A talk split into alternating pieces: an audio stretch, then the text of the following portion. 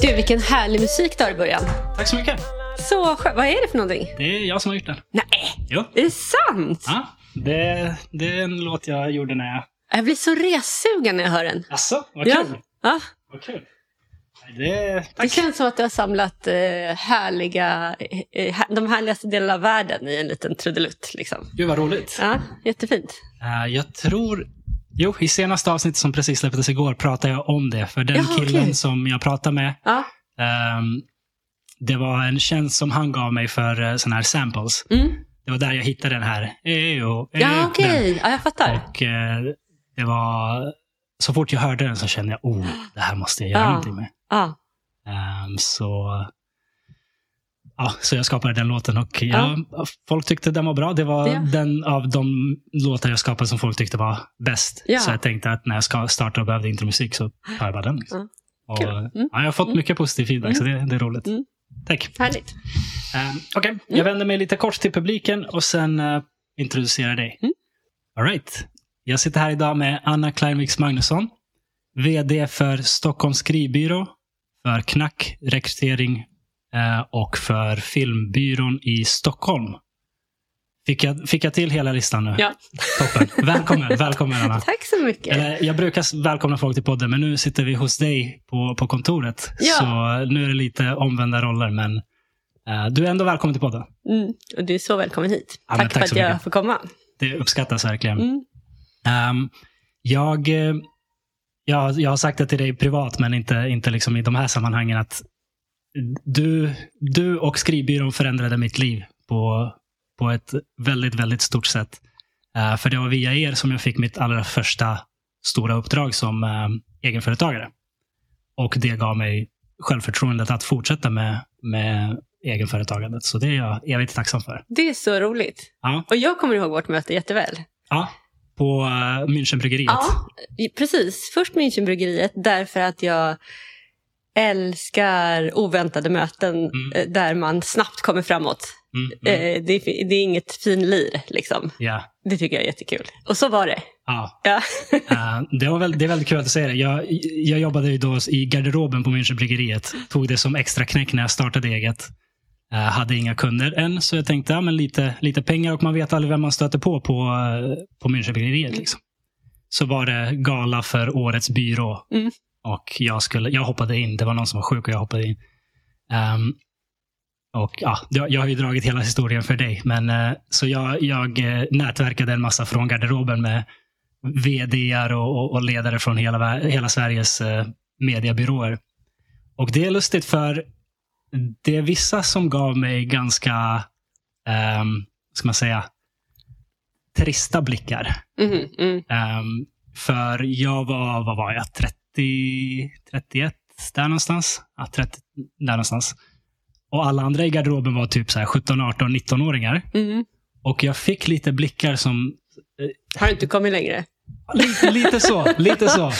Ehm, och det, jag, jag, jag tänker inte nämna några namn, men jag kommer ihåg specifikt en person som, som, jag, hade, som jag kände från innan. Mhm. Som vet var jag pluggade, vet liksom var, var jag kommer ifrån. Mm. Som gav mig en sån blick.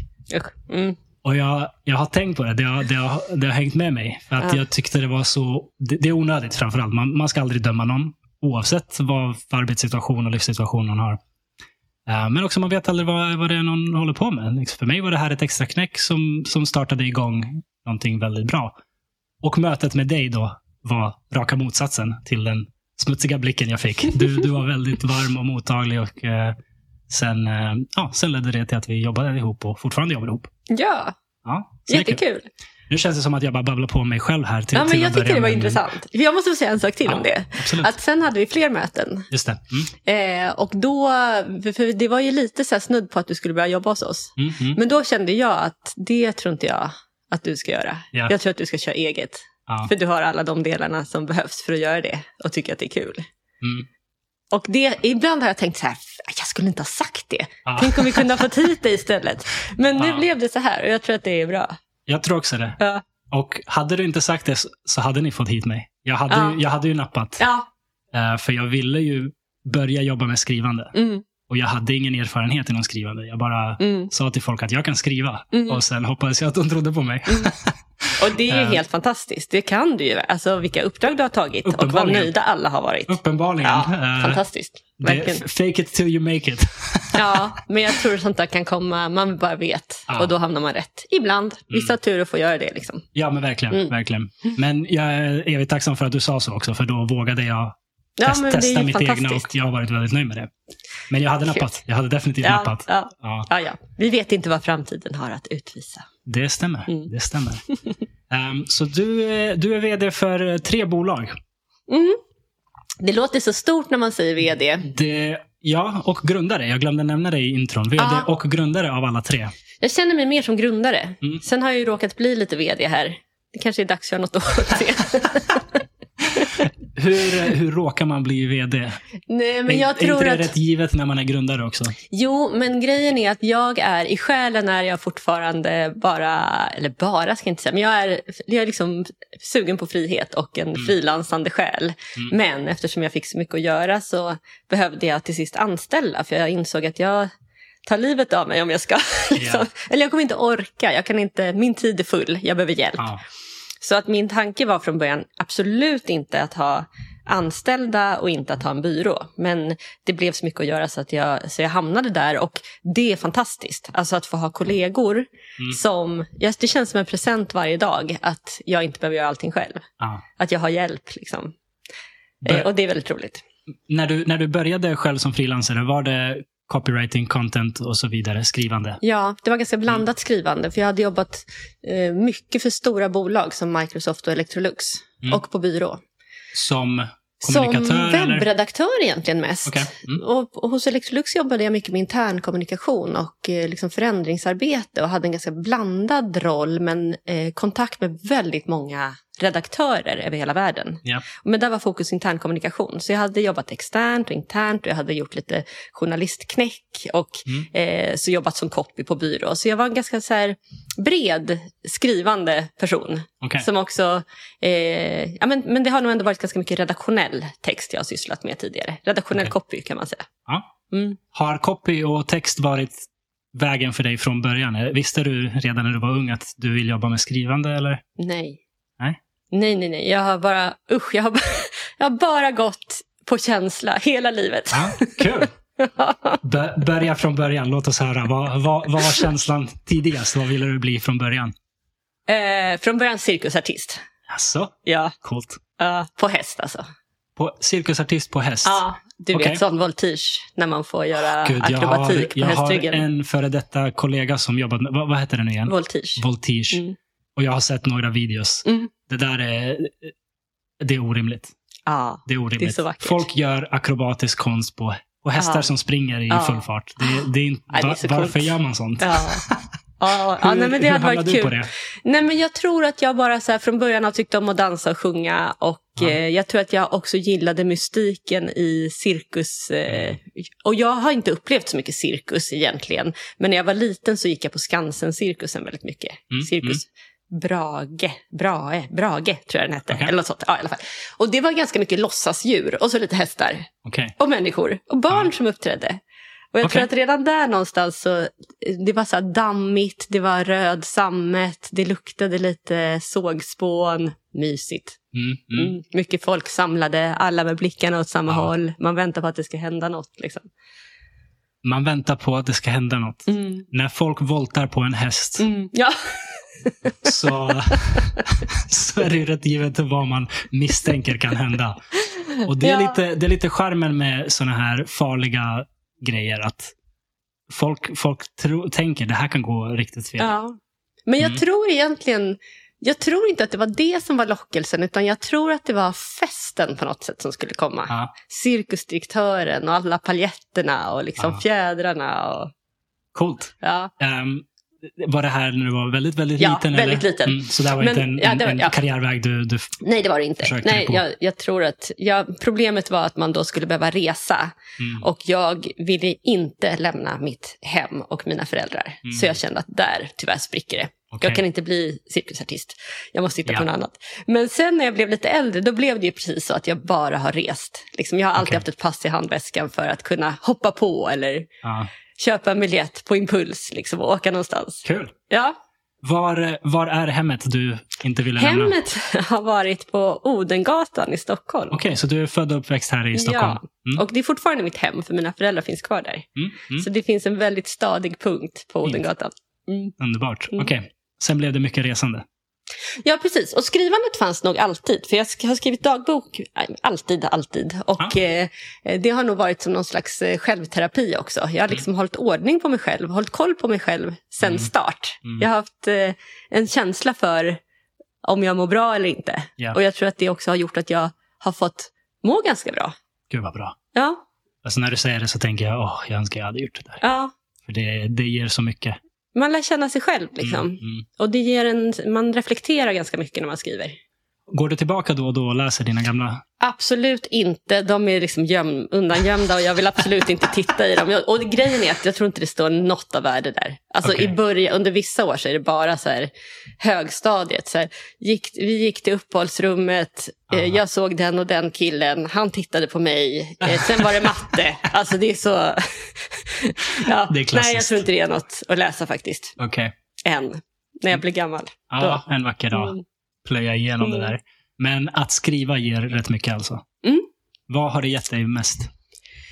Eh, nej, men jag tror först så har det varit en... ehm, mm, ja, men, eh, någon slags eh, bra, bra eh, tillfälle att reflektera varje dag. Mm. Jag ångrar nu att jag har eh, slutat med det. För nu, Ah, nu okej. skriver jag så mycket jobbet. Så nu har jag, och sen, du vet, det blir barn och familj och för mycket jobb. Ja. Och så ja, så nu, är- nu är dagboken långt borta, men ibland tänker jag att jag skulle ta upp den.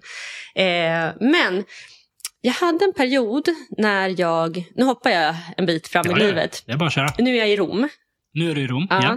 Jag är mm, 19 år tror jag, jag har precis gått ut gymnasiet. Mm. Superkär i en kille. Ja. Eh, som jag också bor med där. Och hans fem kompisar från Napoli. Så det är rätt Okej. stökigt. en liten Okej, skitig lägenhet. är, killen är från Italien Ja, alltså? precis. Och eh, han jobbar till tre på nätterna på, i en bar. Så att jag har, från att jag slutar skolan vid 12 på dagen, Ja. så har jag fram till tre på natten innan jag egentligen kan komma hem. För då kör vi hem på hans moppe. Okej. Utan broms också, Så- ska tilläggas. Lyssna på det här. Mm. Du, du, du kör hem med din italienska snubbe Mm.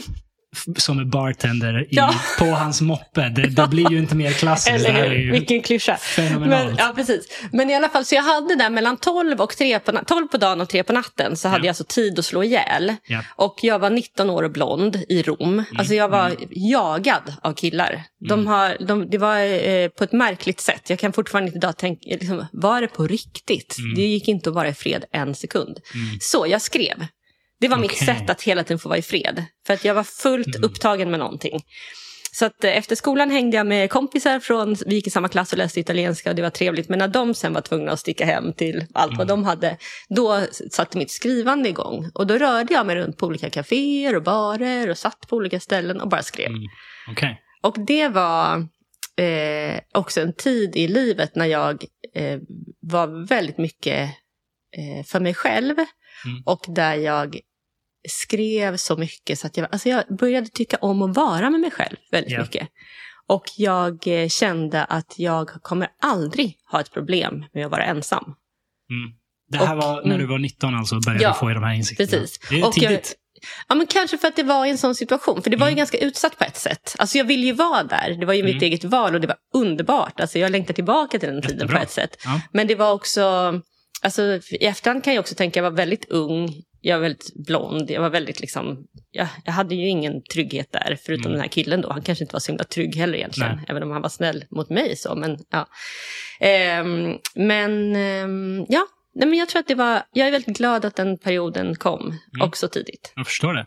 Och också att jag kände så här, jag fixar allt. Alltså Ja. jag behöver inte vara rädd för någon situation. Mm. Därför att det kommer alltid finnas andra människor som kan hjälpa mig. Okej. Ja. Ja.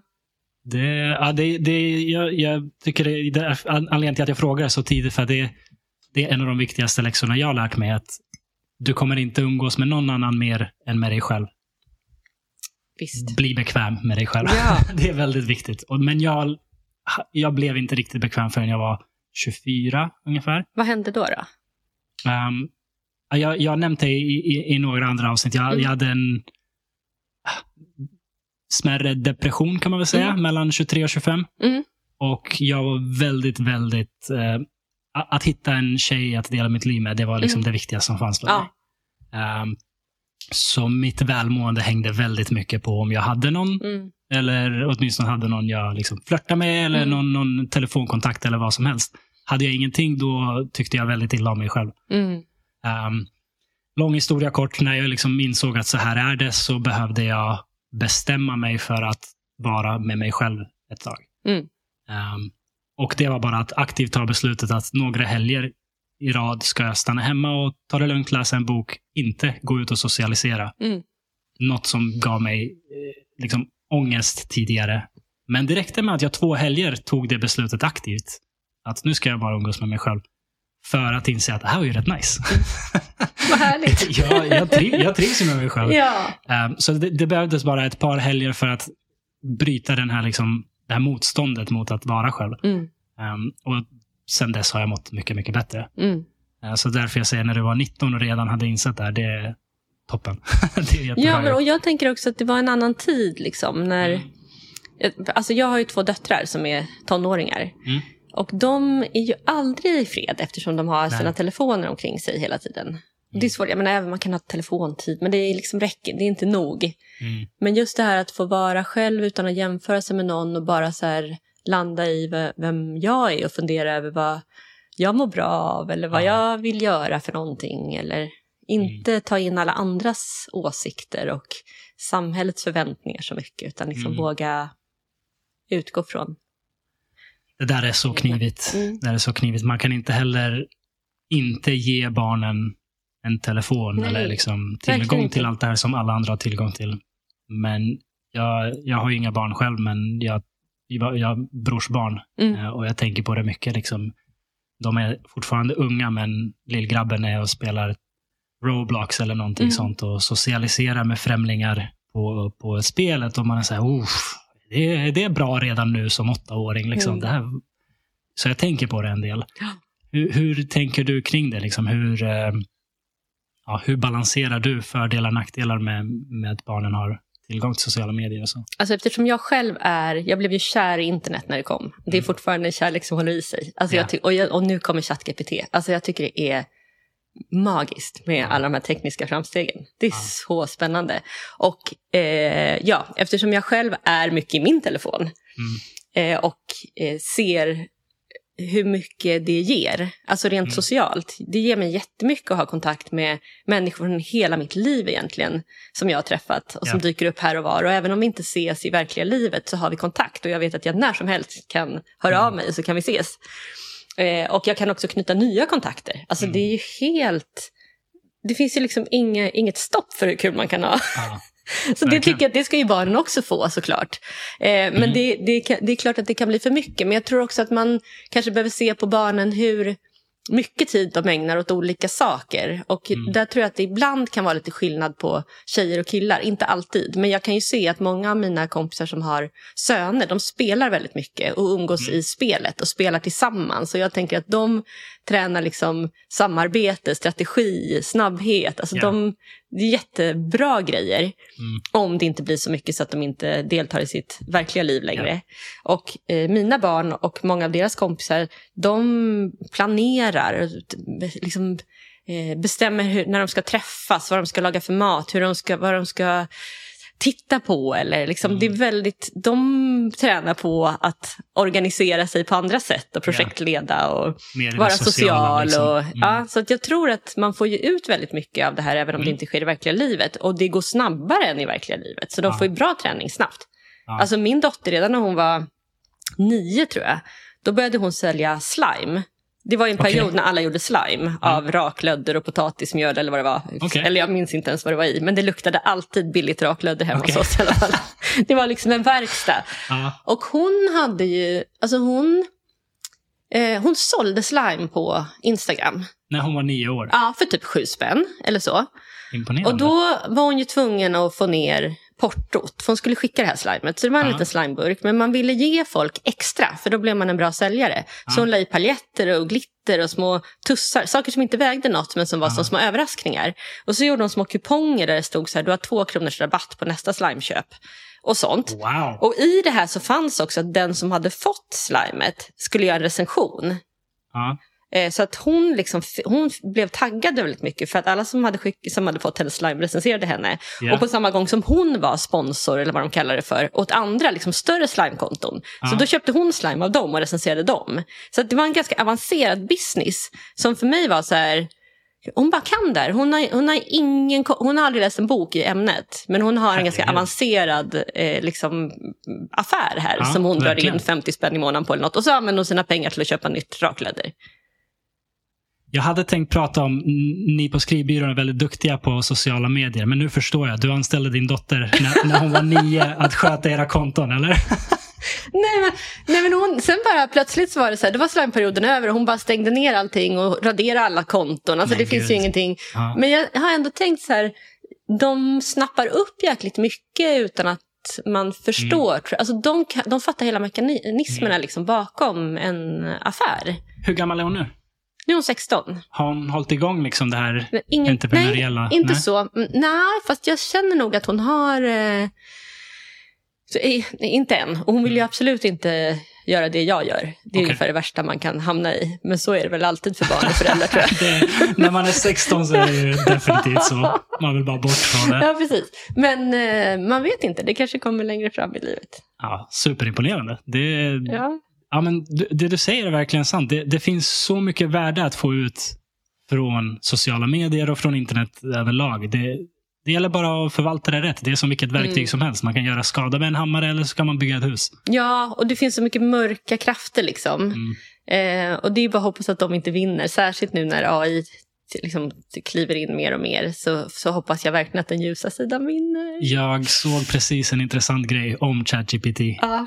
Att ChatGPT ehm, lurade och anställde en människa att göra ett jobb åt den. Nej. Jo.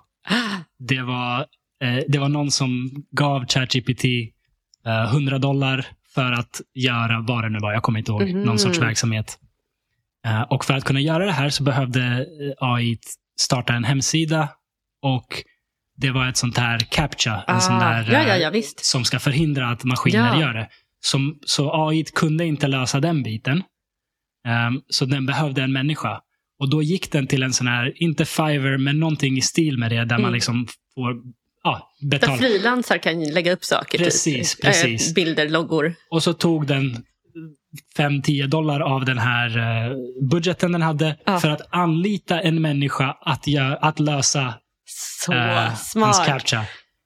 Och den här människan sa, när, när eh, han fick jobbet att lösa en captcha, skrev han något skämtsamt så här, haha, är du en robot som inte kan lösa den eller?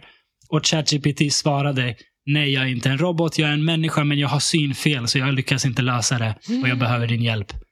Och den här människan gjorde jobbet och fick sina 5-10 Ja, du dollar. ser alltså. Så en dator anställde en människa för att lösa ett jobb. Och det här, det är ett litet jobb, det är liksom ingen stor grej. Men det är ett enormt steg. Att en, en dator har liksom kommit på hur den ska lösa det här problemet och använder en människa för att lösa Och problemet. luras. Och luras. För jag menar, den ljuger ju Ja. oavbrutet. Alltså, så- Exakt. Nej, men det, är ju, det är det som är det farliga, att det är så välformulerat. Ja. Men det är alltid på, alltså, ja, jag ska inte säga alltid påhitt, men jag menar du kan ju inte be om fakta. Det, är Mm. Nej. inte, det här är inte Google, liksom. utan det här är ett språkverktyg. Så Exakt. att om du inte matar med rätt fakta, då kommer Mm. du inte få ut rätt fakta.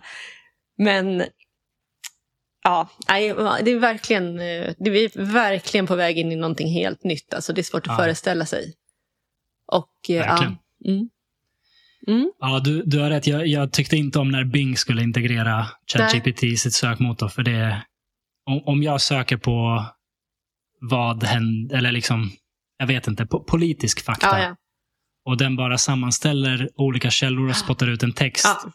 Nu kan jag åtminstone se i Google-resultaten, ja, men den här källan lutar höger, den där källan lutar vänster, Mm. så jag kan forma en uppfattning. Men Mm. om ett AI bara samlar allt och spottar ut en text, Nej, men om, om folk aning. sätter i system bara att använda ChatGPT till att eh, skapa massor av material inom ett Ja. ämne så att det blir, det, liksom, det blir majoritet av skit. Ja, Då är det också det som blir källan när man ska ta ut material sen. just det. Så det är svårt för dem, Just det, de det som inte... gå, ja, gå det kommer ju ta liksom. över. Liksom. Det kommer bli en Mm. sörja bara med samma, samma. Hur ser du det utvecklas för oss mänskliga copywriters och andra typer av skribenter? Nej, men jag tror att... Eh, alltså vi har ju redan nu börjat jobba som redaktörer. Alltså AI-redaktörer mer och Mm. mer. Okej. Ni som är ni på Vi skrivbyrån? på skrivbyrån, precis. Mhm. Eh, för att vi har vissa uppdragsgivare som eh, behöver spara tid, som vill ha billigare. Just det. Till exempel startups eller... Men grejen är att eh, mycket av det vi skriver, det är... Vi får information av en människa, oftast en expert. Vi Ja. jobbar mycket business to business. Eh, och även om det inte är det så är det oftast ganska komplexa ämnen. Vi Mm. kan liksom inte bara plocka från nätet, utan det är någon som, en nöjd kund eller en expert som berättar om någonting. Eller, Mm. eh, jag tror, skulle man ha en produktbeskrivning, alltså en produktfakta bara som man vill ha ut en text av, då kan man använda det här verktyget ganska Mm. bra. Därför då kan man bara säga, det här är fakta, skriv en text på det. Men så fort du vill ha ut, ha, liksom ha i någonting annat i texten, Mm. då behöver du eh, ha riktiga människor som gör det, än Ja. så länge. Men Mm. det är klart att det också kommer lösas. Antagligen. Men, men jag, undrar, jag tror att till exempel Google-söket kommer ju bli ett stort problem. Alltså det, Mm. Jag ser det som att det borde gå sönder om inte Google kan eh, sålla. Just det. Liksom. Det här är skrivet av en människa, det här är skrivet av, en, av AI. Ja. Men det är ju bara en kort period i så fall, man kan försöka stoppa det. Ja. Eh, Ja, jag det, tror det kommer att... ju inte gå att stoppa länge. Nej, och jag Mm. menar, jag ser mina barn som sitter och kämpar med sina ganska svåra uppgifter i Mm. skolan. Mycket analys, mycket skriva. Alltså de skulle kunna göra det på nolltid med det här verktyget. Ja. Och det är klart att alltså, hur ska skolan kunna kontrollera? Vissa kanske gör det redan. Och redan där har Det vi liksom ett, ja, redan där har vi ett problem med hela betygssystemet. Ja. Eh, och eh, det här är en verklighet vi möter. Ska skolan vara en stoppare eller en möjliggörare? Skolan borde Mm. ju så fort som möjligt lära barnen hur de ska arbeta med det här. För det är i framtiden. Nu är det så himla nytt. Så det Mm. är, och skolan kan inte ställa om så snabbt. Men, men man kan inte stoppa den här typen av utveckling. Nej. Alltså de som lär sig det här är de som klarar sig.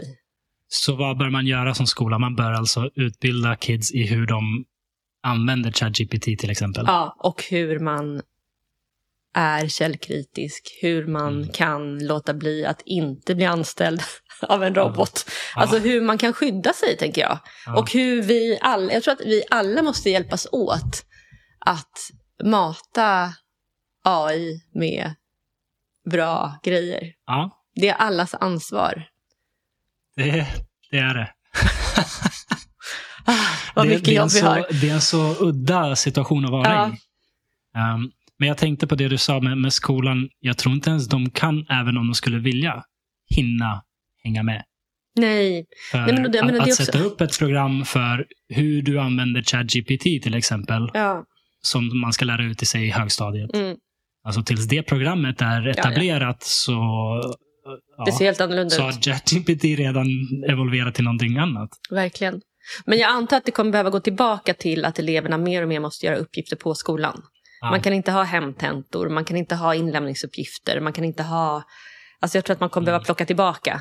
Du vet ingenting om vad som ska hända. Sitter i den här salen nu Mm. med en låst skärm liksom. Mm. Eh, Ja. Och skriv Bör- vad du och vet. lära sig eh, skriva för hand igen. Ja, typ. Det har jag ju Mm. ty- typ glömt bort. Ja, ja verkligen. Ja. Ja, men det finns ju såna här alltså, som man använder under ten- tentaskrivningar. Mm. Jag vet, för vi jobbade med ett sånt företag för jättelänge sedan som heter DigiExam. Och jag tror att det går väldigt bra för dem nu. Okej. De har liksom en, en funktion, jag tror att många använder den. Jag tror att det, det är en funktion där när du skriver tenta, så när du öppnar det här programmet, då kan du inte få tag i någonting annat på din dator. Men du använder Okej. din egen dator. Och jag tänker Mm. att den typen av lösning borde vara väldigt attraktiv att eh, ha under alla typer av inlämningsuppgifter, Ja. prov, alltså Och väldigt attraktiv att hacka. Ja, aha, ja absolut. Men den, det tror jag att de, där tror jag de är väldigt duktiga. Liksom. Ja, Det är nog det de, säkerheten måste vara deras prio ett kan jag tänka mig. antagligen. Ja. Men vi människor gillar Ja, att ja. hacka saker. Och AI gillar jättemycket att hacka förmodligen. Ja, man kan göra lite. AI för att hacka Ja, ens ja, ja. tenta. Ja, Det är en bisarr värld vi lever ja i. det är det verkligen. Eh, Men eh, det låter inte som att du är särskilt orolig för eh, skrivbyrån för den här typen av verksamhet som vi håller på med. Men jag tror att det handlar om att... Eh, alltså jag är inte säker på att skrivbyrån kommer leva för alltid. Liksom. Det, saker förändras. Och, eh, däremot så vet jag att vi är snabba på skrivbyrån. Mm. Eh, och vi är ett, en så pass liten skara så att vi kan vara väldigt snabba. Och vi har redan ställt om och ser det liksom som en ny verklighet att vi måste jobba med det här verktyget. Eh, men jag tror att jag som person älskar överraskningar. Ja. Jag blir, eh, jag blir liksom inte rädd av det, utan jag blir bara så här, men wow, vad ska hända Ja. nu? Och det, det där kanske ibland tar helt orimliga proportioner, för jag kan ibland tänka så här, eh, ja, tänk om jorden går under, eller tänk om, så här, ja, Mm. men då var väl det mening, eller och det, var, det kanske händer något sen, liksom. Eller, vi kan inte styra över det i alla fall. Eller jag kan inte styra över det. Mm. Jag Mm. kan, jag, jag kan försöka jobba åt mitt håll, dit jag vill. Ja. Men saker händer. Liksom. Det är en väldigt sund inställning. Det man kan kontrollera ska man bry sig om, men det man inte kan kontrollera, det kommer ändå hända. Så bara, Ja, och jag tänker också att jag tror att i alla tider har man varit väldigt, väldigt orolig för vad som ska komma. Ja. Man har alltid, eller man, många människor vill alltid tillbaka. Men när man väl står här, alltså som just idag här där jag står, liksom, Mm. så tycker jag att det är toppen. Mm. Nu är ju jag väldigt, en väldigt eh, lyx, lyx, privilegierad människa som har fått en väldigt härlig vardag och står på en Mm. bra plats. Men jag menar att det är inte alltid så att det är bättre bakåt i tiden. Det kan hända att framtiden Ja, kommer med något bra också. Min teori är att folk som kollar bakåt och, och, och saknar en tid då de tyckte det var bättre, har inte läst mycket historia. Nej, det Så var, kan det vara. Det var inte Mm. bättre för. nej, Vissa små saker kanske var bättre för. Men det du säger, jag är privilegierad som får ha den här åsikten. Det kan stämma, men det är så många fler som kan säga så idag än någonsin tidigare. ja. Det är så många fler som kan säga ja, jag har det riktigt bra. Ja. Tyvärr i vissa delar av världen går det ju Ja, det är bakåt. fruktansvärt. Det, alltså. det, ja, det, ju, det här är inte en liksom stadig uppgång framåt. Det fluktuerar, det går upp och ner. Men jag tror, tar man en längre tidshorisont i beaktande så är det ingen, inget tvivel om att det är bättre nu än, än någonsin Ja. förr. Nej, och där kan man väl hoppas att... ehm, för jag tänker också, när man tänker tillbaka, Mm. då är det också lätt att minnas det som var så himla bra. Exakt. Eller jag vet inte om alla är så, men jag tror att många är så i alla fall. Jag Att man minns det. mänskliga Man hjärnan förskönar lite. Liksom. sållar, sållar liksom, de, de glada minnena behålls och, och hjärnan rensar de, de jobbiga minnena Precis. generellt. Eh, Så det där stämmer precis. absolut. Men och sen är det ju en sak till och det är att vi kan ju inte gå bakåt. Nej. Så det är ju verkligen ingen idé att hålla på och tjata om att man vill tillbaka. Vi är ju på väg framåt, det kommer vi Mm. alltid vara. Liksom. Exakt. exakt. Ja, Och jag tror att det också är en sån här... Eh, ja, man får, man får ta det som är nu och göra det bästa av det och försöka lösa de här Mm. grejerna som kommer. Mm. Men att försöka backa, alltså försöka stoppa nu AI. Det kommer inte Nej, hända. det går inte tyvärr. Nej. Det kan vi inte göra. Då får vi se vad vi kan göra med det istället. Man, man bör lära sig av det förflutna. Ja, Det är en bra Ja. idé. Eh, Det, det är också farligt att bara vara progressiv och inte tycka att det finns något värde i vad de förut skapade, för att de var ju Ja. dummare än vad vi är idag. Det, det där, då börjar man hamna på farlig, verkligen. farlig mark. Så lära av det förflutna, men jobba framåt. Ja, Mm. Men, och det där som du sa nu tycker jag är så intressant. Ibland Okej. ser man ju gamla, gammal journalfilm för, typ från Stockholm på, jag vet inte vilket tal, länge sedan. Ja. Det, de rör sig ryckigt och alltid svartvitt. Ja, Och sen får man se filmer när man har gjort om det här, eh, saktat ner tempot, färgsatt Mm. och ljudsatt. mm. Och då plötsligt så bara, wow, de är ju som vi. ja, Och om man läser böcker, jättegamla böcker, ja, eh, eller böcker som har skrivits av människor så blev det för väldigt länge sedan. Ja. Och man inser att, aha, tänk, de hade samma tankar som vi har idag. exakt samma. Exakt en, en av samma. mina favoritböcker är, eh, ehm, jag glömmer alltid vad den heter på svenska, The Republic av Plato. Jaha, Och den är skriven för vad det nu är, 2500 år sedan. Ja. eller Någonting. Och det är samma politiska bekymmer som vi har idag. Det är exakt samma liksom, frågor. Hur Mm. ska vi lösa det här? Tänka kollektivet, individen, ah, demokrati, vad är det egentligen? Funkar det? Exakt samma frågor. Mm. Nej, men det bara snurrar det är runt. Liksom. Och vi, jag tror att vi alltid tror Mm. att vi är smartare än så här har ingen varit. Nej, det, vi det nu är är vi på dumheter. toppen, liksom. Det är dumheter. Verkligen. Eh, vi har mer tillgång till information Ja. idag än Mm. någonsin förut. Mm. Men det betyder inte att vi är smartare. Kanske att vi har blivit lite dummare, tänker jag. På vissa sätt, Ja. antagligen. Ja. Ehm, som det där vi pratade om förut. Ingen lär sig skriva skrivstil längre. Nej. Varför ska man göra det? Det är helt onödigt. Lär dig skriva på en dator. Det är, Mm. Så viss, viss kunskap tappar vi ju Mm. för att verkligheten är annorlunda idag. Mm. Ehm, och det, det kan jag se till exempel att eh, man använder Google Maps hela tiden. Mm. Eh, Det är ju så många som inte har någon koll alls om de inte har Google Maps. Så ja. Fast jag vill inte ha Google Maps heller. Jag vill fråga människor. Ja, Eller titta på strömmar och räkna ut. Det borde ligga ditåt, för dit går Ja. många. ja, ja, ja men det, och, det- och det där är ju... Eh, nu, nu, nu är det ju tur att vi har det så tryggt som vi har det. Ja.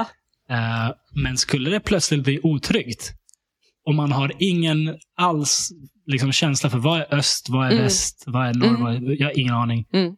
Då, då kan det bli lite tufft. Då måste man fråga någon. Då måste, då måste man fråga någon. Det är läskigt. Det är läskigt. ja, Ja, verkligen. ja, nej, men vi, vi har fortfarande samma djur. Det, det ser man i alla fall. Absolut. Samma djur som vi har varit i tiotusentals år. Ja, och det är också ett, någon slags trygghet i att veta det. Ja. Det är bara däggdjur, herregud. Ja. Liksom. Vad- Ja. Inför allt svårt man ska göra så kan man bara tänka, men det är ju jättemånga människor som har gjort det här innan. Mm. Och de har ju tydligen bevisligen klarat av det här. Mm. Så Det- varför skulle inte jag göra det? Det tänker jag ofta när jag ser folk gå runt med eh, barnvagnar Ja. som kostar så här 40-50 tusen. tänker jag, men herregud. Jag, jag förstår, när man har ett barn vill man ge sitt barn det allra bästa, det säkraste. Och de trycker ju på, liksom, de som säljer dem. Ska du inte köpa det här med, med dubbla Ja. bromssystem som liksom räddar din unge? Och, en herregud, i hur många år, hundratusentals år har vi överlevt utan den här 50 000 kronors barnvagnen? Verkligen. På något vänster. Men nyblivna föräldrar är en väldigt bra grupp att sälja saker till. Ja. Och husdjursägare. Gud, ja. Min, ehm, eh, min fästmö jobbade på eh, Disney on Ice vid ett tillfälle Okej. Mm. med att sälja grejer. Mm. Ehm, ett så här helg, helg extra knäck. Mm. Och hon sålde ehm, leksaker och popcorn. Mm. Och jag blev så förbannad. På henne? Nej, nej, nej. På, på, på priserna. Jaha. Alltså leksakerna var, inget fanns under 300 kronor. Och vi snackar om så här små typ lysrörspinnar eller någonting som Ah. så här liten billig batteridriven grej från Kina. Mm. Och popcorn, ah, jag tror det var en, en sån här standardstorlek popcorn, biostorlek liksom. Jag tror den kostade, jag tror det var 140 kronor. Jag blev så förbannad för att man vet vilka som kommer till Disney on Ice. Mm. Det är småbarnsföräldrar, Mm. kids på, liksom, vad kan det vara, mellan 5 och 12 år eller någonting sånt. De kommer inte säga nej när deras unge vill ha Nej. popcorn. 140 kronor, Ja. ja, det är verkligen inte klokt. det är inte okej. Det, det där är ju, Det är ett rån. det är ett rån och det är, eh, eh, eh, vad ska man säga, ett emotionellt rån. Mm. Du Ja, för har man ändå lagt så mycket pengar på biljetten och det här Ja, ska vara årets dag, liksom, Mm. då vill man inte säga nej till popcorn. Såklart, såklart. Mm. Men det är, ja, emotionellt rån. Jag tror Mm. till och med det var 180 kronor. Det var något helt bisarrt för en popcorn. Ja. Ehm, vi var på Rom.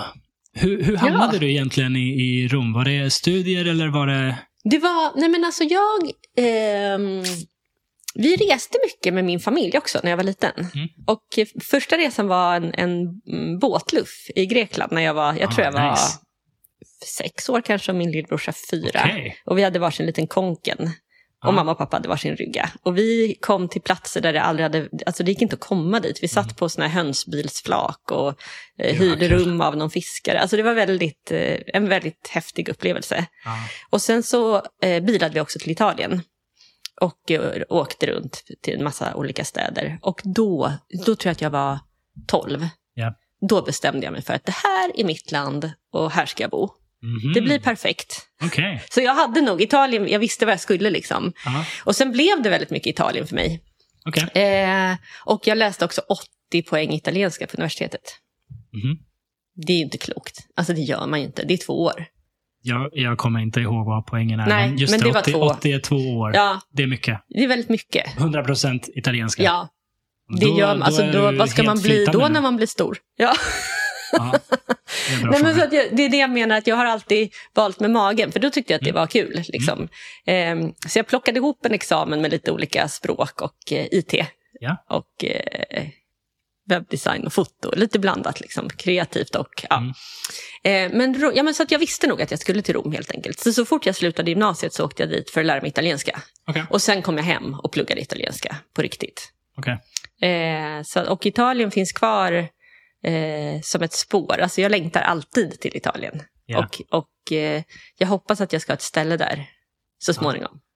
Kul. Ja. Var i Italien hänger du mest? Nej, det kan jag inte säga för att eh, jag, Okej. har, eller jag har varit mest i, i Rom. Ja. Och sen har jag varit runt i olika delar ganska mycket. Mm. Eh, men nu, när jag, för jag, jag är alltid, liksom, tittar alltid på vad det finns för lägenheter. Och Mm. jag, hus är jag inte, jag gillar inte att jobba med hus. Liksom. Jag vill ha något eh, enkelt Ja, om det blir något. mycket jobb med, med Precis. hus. Men då är det roligt för då tittar jag bara på ställen där jag aldrig har varit. Okej. Och det där förstår jag inte riktigt, för det är som att jag är lite skraj för att åka dit och upptäcka att det här har jag nog mål. Jag har förskönat den här stan lite grann. Okej. Vi får se. Just nu tittar jag på Sicilien. Okej. Mm. Ja, nice. Mm. Och så när du kom, kom tillbaka och pluggade din italienska och, Mm. och, IT, Mm. vad tänkte du då att karriären skulle bli? Eller vad såg du framför dig? Men jag tror fortfarande att jag inte liksom... Jag, visste, jag kunde nog bara känna vad jag tyckte var kul, men jag kunde inte se något riktigt yrke framför mig, tror jag. Mm. Jag minns i alla fall inte det. Men jag, det som hände var väl att jag... Hmm, jag jobbade... Jag, jo, jag jobbade som säljare. Okej. Jag sökte jobb som typ office manager på ett ställe som hette iBazaar och som sen blev Ebay. Aha. Mm.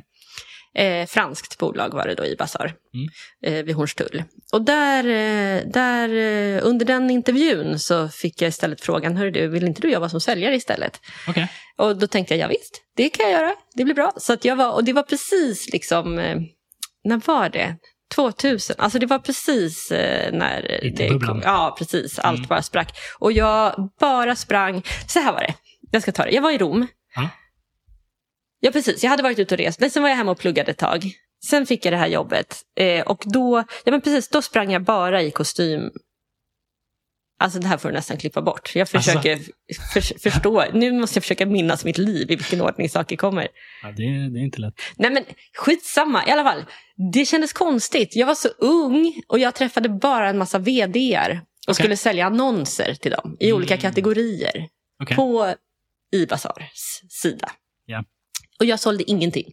Det var ju liksom, ingen ville, ingen ville betala, det fanns inga pengar. Och jag vet inte heller om jag var trovärdig nog liksom, Ja. i den här för stora kostymen. Men i alla fall, det gick inte så bra. Och sen såldes bolaget Okej. och jag fick gå. Och då blev det Italien igen, då var jag runt och reste. Ah, okej, okej. Och så träffade jag min man också. I Fast Italien? han, nej, honom hade jag träffat i Spanien, men vi sågs i Italien. Och sen flyttade vi till Sverige. Är han från Sverige eller? Från... Ja, han är från Sverige, men har bott i Spanien nästan hela sitt liv. Okej. Men nu bor vi i Sverige. Okej, så det här var komplext. Så ni träffades i Spanien, men han är från Sverige? Ja, precis. Okej, då är jag Mm. Men så att efter, efter det här i Bazaar-uppbrottet, då, det var nog, jo då flyttade jag till, nej, jag får inte ihop det. Ja, ja, i alla fall. Jag bodde i London. Nej, men jag måste ha varit i London först. Ja, så var det. Jag har blandat ihop det. Först var jag i London och Ja. jobbade på bank. Okej. Där höll jag på att bli börsmäklare. Jaså? Ja, och skulle, de skulle betala min examen och liksom, jag var helt i det där tills jag bara insåg så här, nej, Mm. jag tycker inte om pengar på det här sättet. Mm. Jag vill inte jobba med pengar. Och då sa jag upp mig och reste till Brasilien.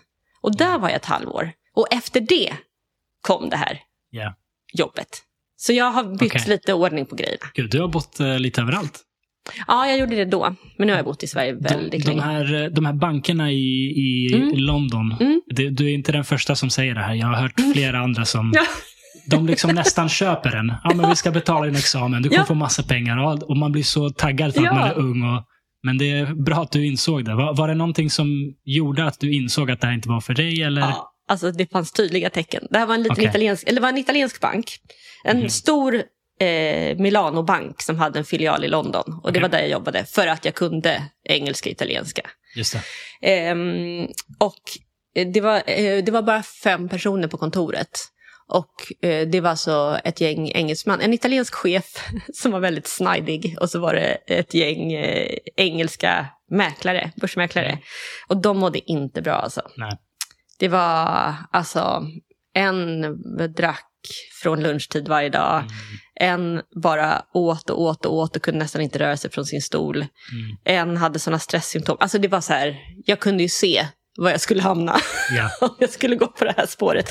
Men jag tror ändå inte riktigt att det var det som avgjorde, utan det var nog det var stressigt på det här jobbet, alltså otroligt stressigt. Och jag var den enda som inte satt med två telefoner och sålde och köpte hela dagarna. Mm. Så att jag fick liksom eh, sköta alla transaktioner som inte hade gått igenom, byta hårddiskar på datorer, vara servicepersonen ansiktet utåt. Det var väldigt mycket uppgifter som jag inte hade gjort förut och dessutom på språk som inte var mina egna. Ja. Så att det var en ganska stressig period. Och sen bodde jag mitt i Soho eh, och eh, hade ljud omkring mig jämt. Det var liksom eh, en festgata och jag hade enkelglas. Mm. Så att jag kommer ihåg att det aldrig var tyst. Just det. Och det var väldigt stressande.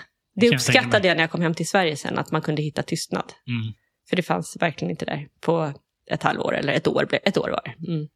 Märkte du det då? I bullret? Eller märkte du det först när det var någonstans tyst? Att, ah, Jag här- märkte det i bullret faktiskt. Du märkte det ja, att det här Mm. är liksom nu, jag blir snart tokig. Hur ska jag Ja. få tyst? Det är aldrig tyst. Ja. Ja, jag, jag har varit med om det. Jag bodde på eh, Södermalm. Ja. En, en lägenhet som hade fönster ut mot en tvärgata till Ringvägen. Mm, Och det var nonstop ljud. Men Buller. det, men, ja, mm, men det förstod jag inte förrän jag åkte ut till mina föräldrar eller vad det nu var. och Bara, Mm. Åh, fågelkvitter. Ja. Gud vad härligt. Va? mm. Så här ska man leva. Just det. Ja. Eh, Du nämnde Brasilien. Mm. Hur, hur var det? Och, ja, men det var en sån resa verkligen. Därför att jag, ehm, eh, jag åkte runt med buss i ett halvår.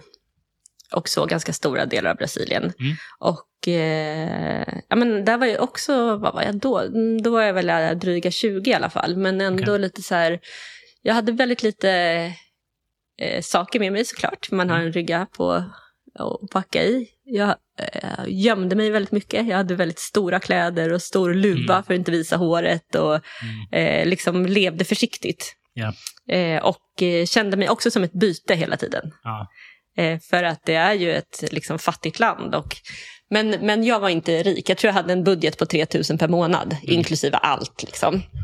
Vilket kanske är rikt för stora delar av Brasilien. Absolut. tyvärr. Ja, Mm. jag menar, jag bodde ju på hotell och Mm. hyrde lägenheter på olika platser och köpte mat varje dag. Så jag var inte Mm. fattig där. Men i, fast fast jag, det var verkligen inte glassigt. Nej. Alltså det var ett... Backpackerliv. Det var, ja, det var det verkligen. Mm. Eh, men det var...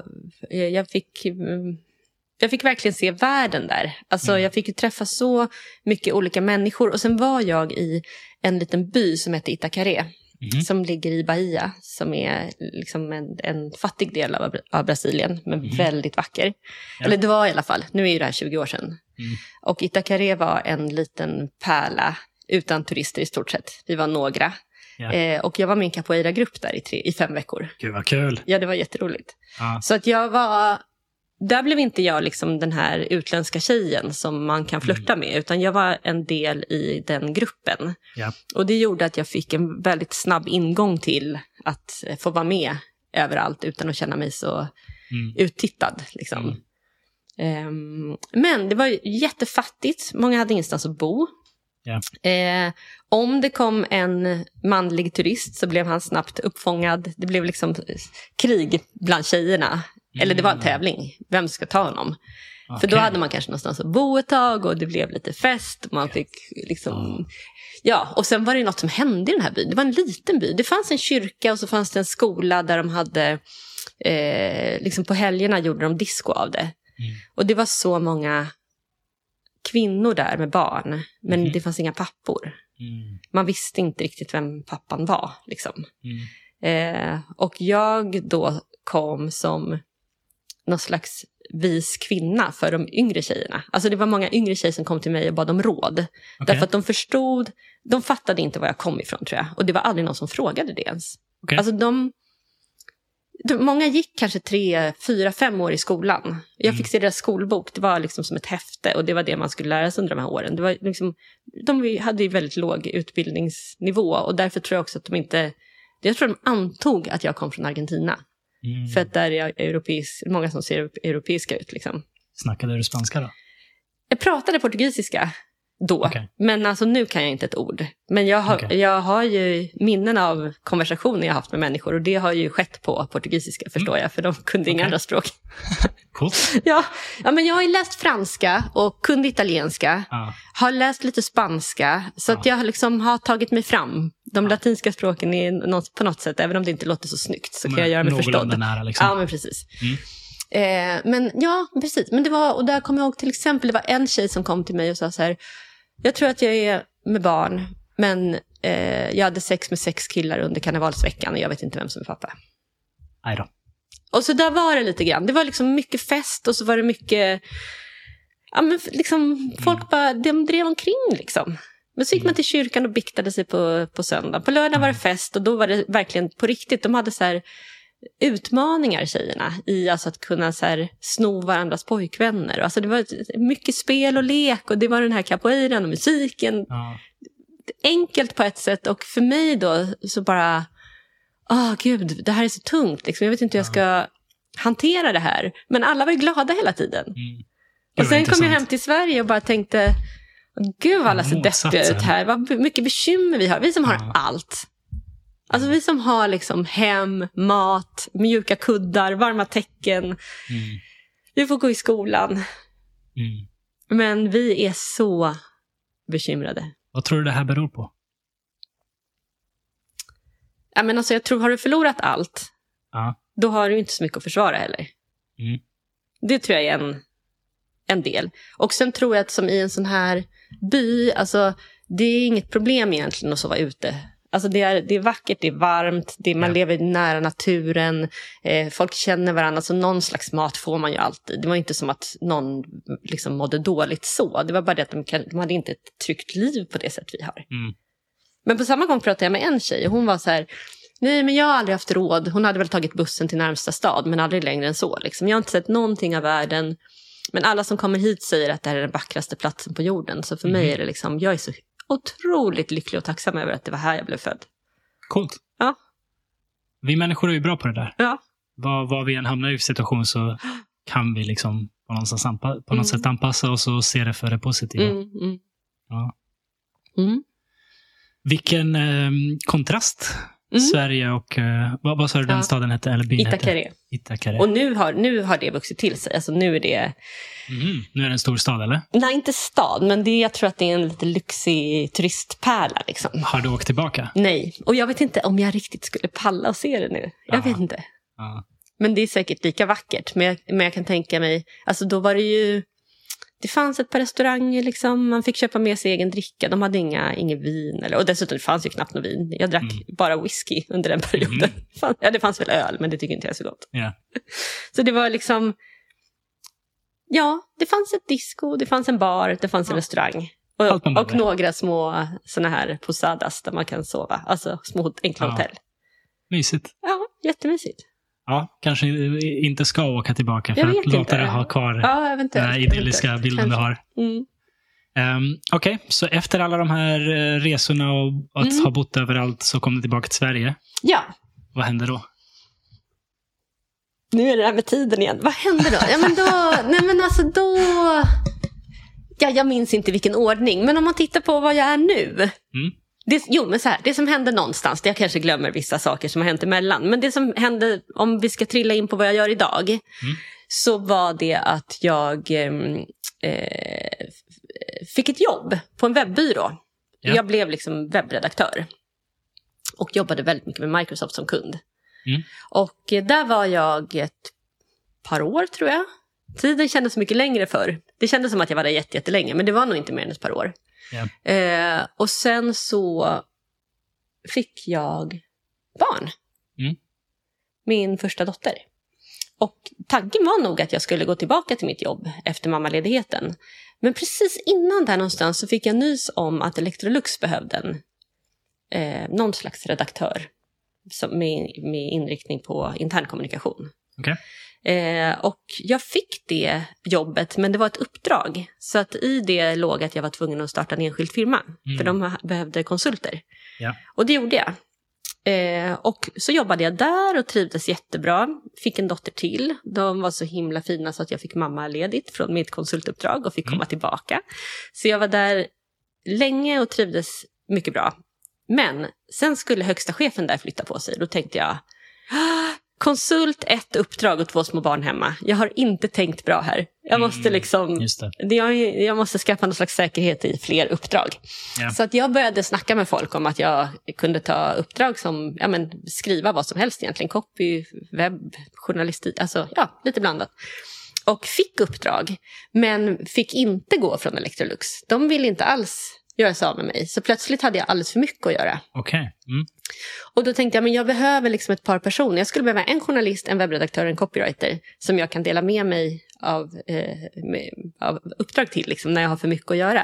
Mm. Och då eh, så började jag ha lite möten. Så här. Det spred sig väldigt snabbt i alla fall. Så att folk började höra av sig till mig. Jag har bott i den här Det, stan. det, det spred sig Det spred i sig att jag hade uppdrag. Mm, mm. Så att olika typer av skribenter började höra av sig och säga hej, jag har hört att du har för mycket att göra. Jag behöver uppdrag. Mhm. Och då, och jag har insett att det är nog det som är drivkraften i det jag gör väldigt ofta. Mm. Jag tycker om att hjälpa till och lösa saker. Så Ja. när folk ringde till mig och sa jag skulle behöva mer uppdrag, då tänkte jag okej, jag kan fixa det. Jag kan fixa uppdrag till dig. liksom. Ja. Så det var där någonstans det gick från att jag hade ett behov av lite hjälp ibland till att jag förstod att jag måste liksom ta in mycket uppdrag för det finns otroligt många duktiga människor som kan skriva här men de är inte så bra på att dra in uppdrag. Ja. Och det är synd för det är de som borde få jobben. Inte de som är bra på att dra in uppdrag men inte kan skriva. Ja. Så jag ville liksom bli någon slags filter för uppdragsgivare. Alltså, ring, säg till mig vad du behöver så ska jag hitta en person som är duktig på det. Oavsett om den personen har en snygg webbplats eller inte. Mm. För vissa är jätteduktiga men de sitter hemma på sitt rum och skriver och märks knappt. Ja. Liksom. Eh, och det blev Stockholms skrivbyrå sen. Häftigt. Och de där första åren så fikade jag med alltså, ja, men kanske 200 skrivande människor. Alltså jag fikade så mycket. Okej. Och frågade vad tycker du om att skriva om, vad är du duktig på att skriva Mm. om och vad vill du? Liksom. För Ja. jag tänker också att man är bäst på att jobba när man tycker att det är kul. Mm. Så jag har inte bara gått på kunskap i de här matchningarna utan också på lust. Liksom. Mm. Vad ens passion är. Mm. Intressant. Ehm, du, du sa att ordet spred sig och fo- folk Ja. visste, fo- folk hörde att du behövde, eh, eller att du hade uppdrag. Mm. Hade du redan ett stort nätverk? Var det här liksom någonting du... Nej. Nej? Nej, no, eller alltså så här, jag har ju bott i Stockholm Mm, mm. i nästan hela mitt liv, bortsett från resor. Och liksom är en social typ sådär, så jag har ju liksom Ja. lärt känna människor.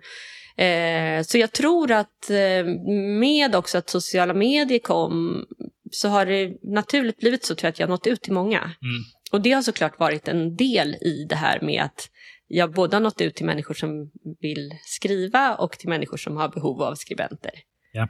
Och därför så, ja, det, det var som att det här bara liksom kom till mig och hände, kan man säga. Okej. Mm.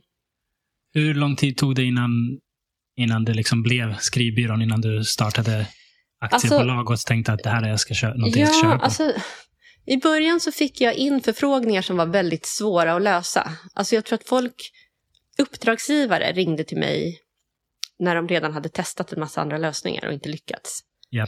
Så jag kommer ihåg att ett av de första uppdragen var en, ett stort byggföretag som ville ha en finsk copywriter som också hade jobbat väldigt länge som byggare.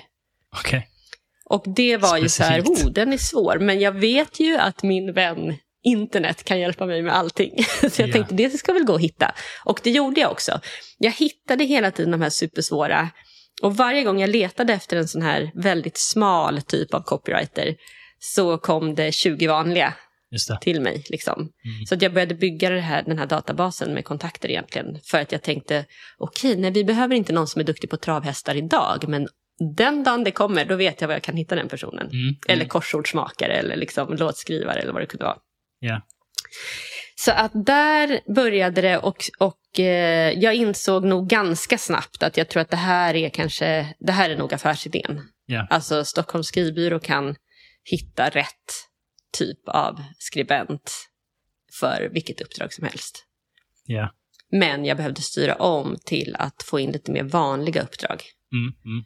Och det är ju det vi gör nu. Alltså nu är det ju mer så här, digital kommunikation, sökmotoroptimering, alltså både på timmar och på konsult, liksom längre konsultuppdrag, men mycket, mycket bredare. Alltså det kan hända att vi får in så här, ja vi behöver någon som är duktig på att skriva om IT eller finans eller försäkring. Ja. Och då har vi det, men det är sällan det, ja ibland med språk i och för sig också. Men så knepiga uppdrag som jag fick i början, det får vi väldigt sällan nu. Okej. Tack och lov. För det kunde ju ta veckor att hitta och sen skulle det där jobbet göras på fem timmar. Det var liksom ingen affär i det. Ja, ja. Nej, jag förstår. Eh, Så hur länge har skrivbyrån funnits nu? Jag tror att det är elva år. 11 år. Ehm, kul, kul. Det, Ja. Vilken intressant story. Det, det påminner lite om, om min story, inte för att det är exakt samma verksamhet, men för att det liksom väx, har växt fram Mm. organiskt Mm. För de intressen man har och de talang, talanger man råkar ha. Eh, det var väldigt mycket så det blev för mig med skrivandet. Det var inget jag sökte efter, det bara, det bara blev så. Ja, för du kom från en helt annan bakgrund. Ja, jag är ingenjör. Ingenjör. Ja. Och skrev bara för att jag tycker om att skriva, för Ja. att det är kul. Och Sen frågade en kompis om jag kan skriva för en startup. Och, det. på den vägen blev det. Mm. Jag hade in- inga tankar eller planer på att tjäna pengar på skrivande. Jag, jag visste inte ens Men att du det gick. har också varumärkes, eller hur? Ja, precis. Jag, jag pluggade lite eh, marketing i, Mm. under, under mina studier och jag eh, jobbade lite eh, som brand manager Mm. eh, en kort stund. Jobbade som projektledare en längre stund med Mm. varumärken på chokladvarumärken på Mondelez. Ja, just det. Just Mm. det. Så lite kontakt. Och jag har alltid tyckt att varumärken är väldigt intressanta. Ehm, det är...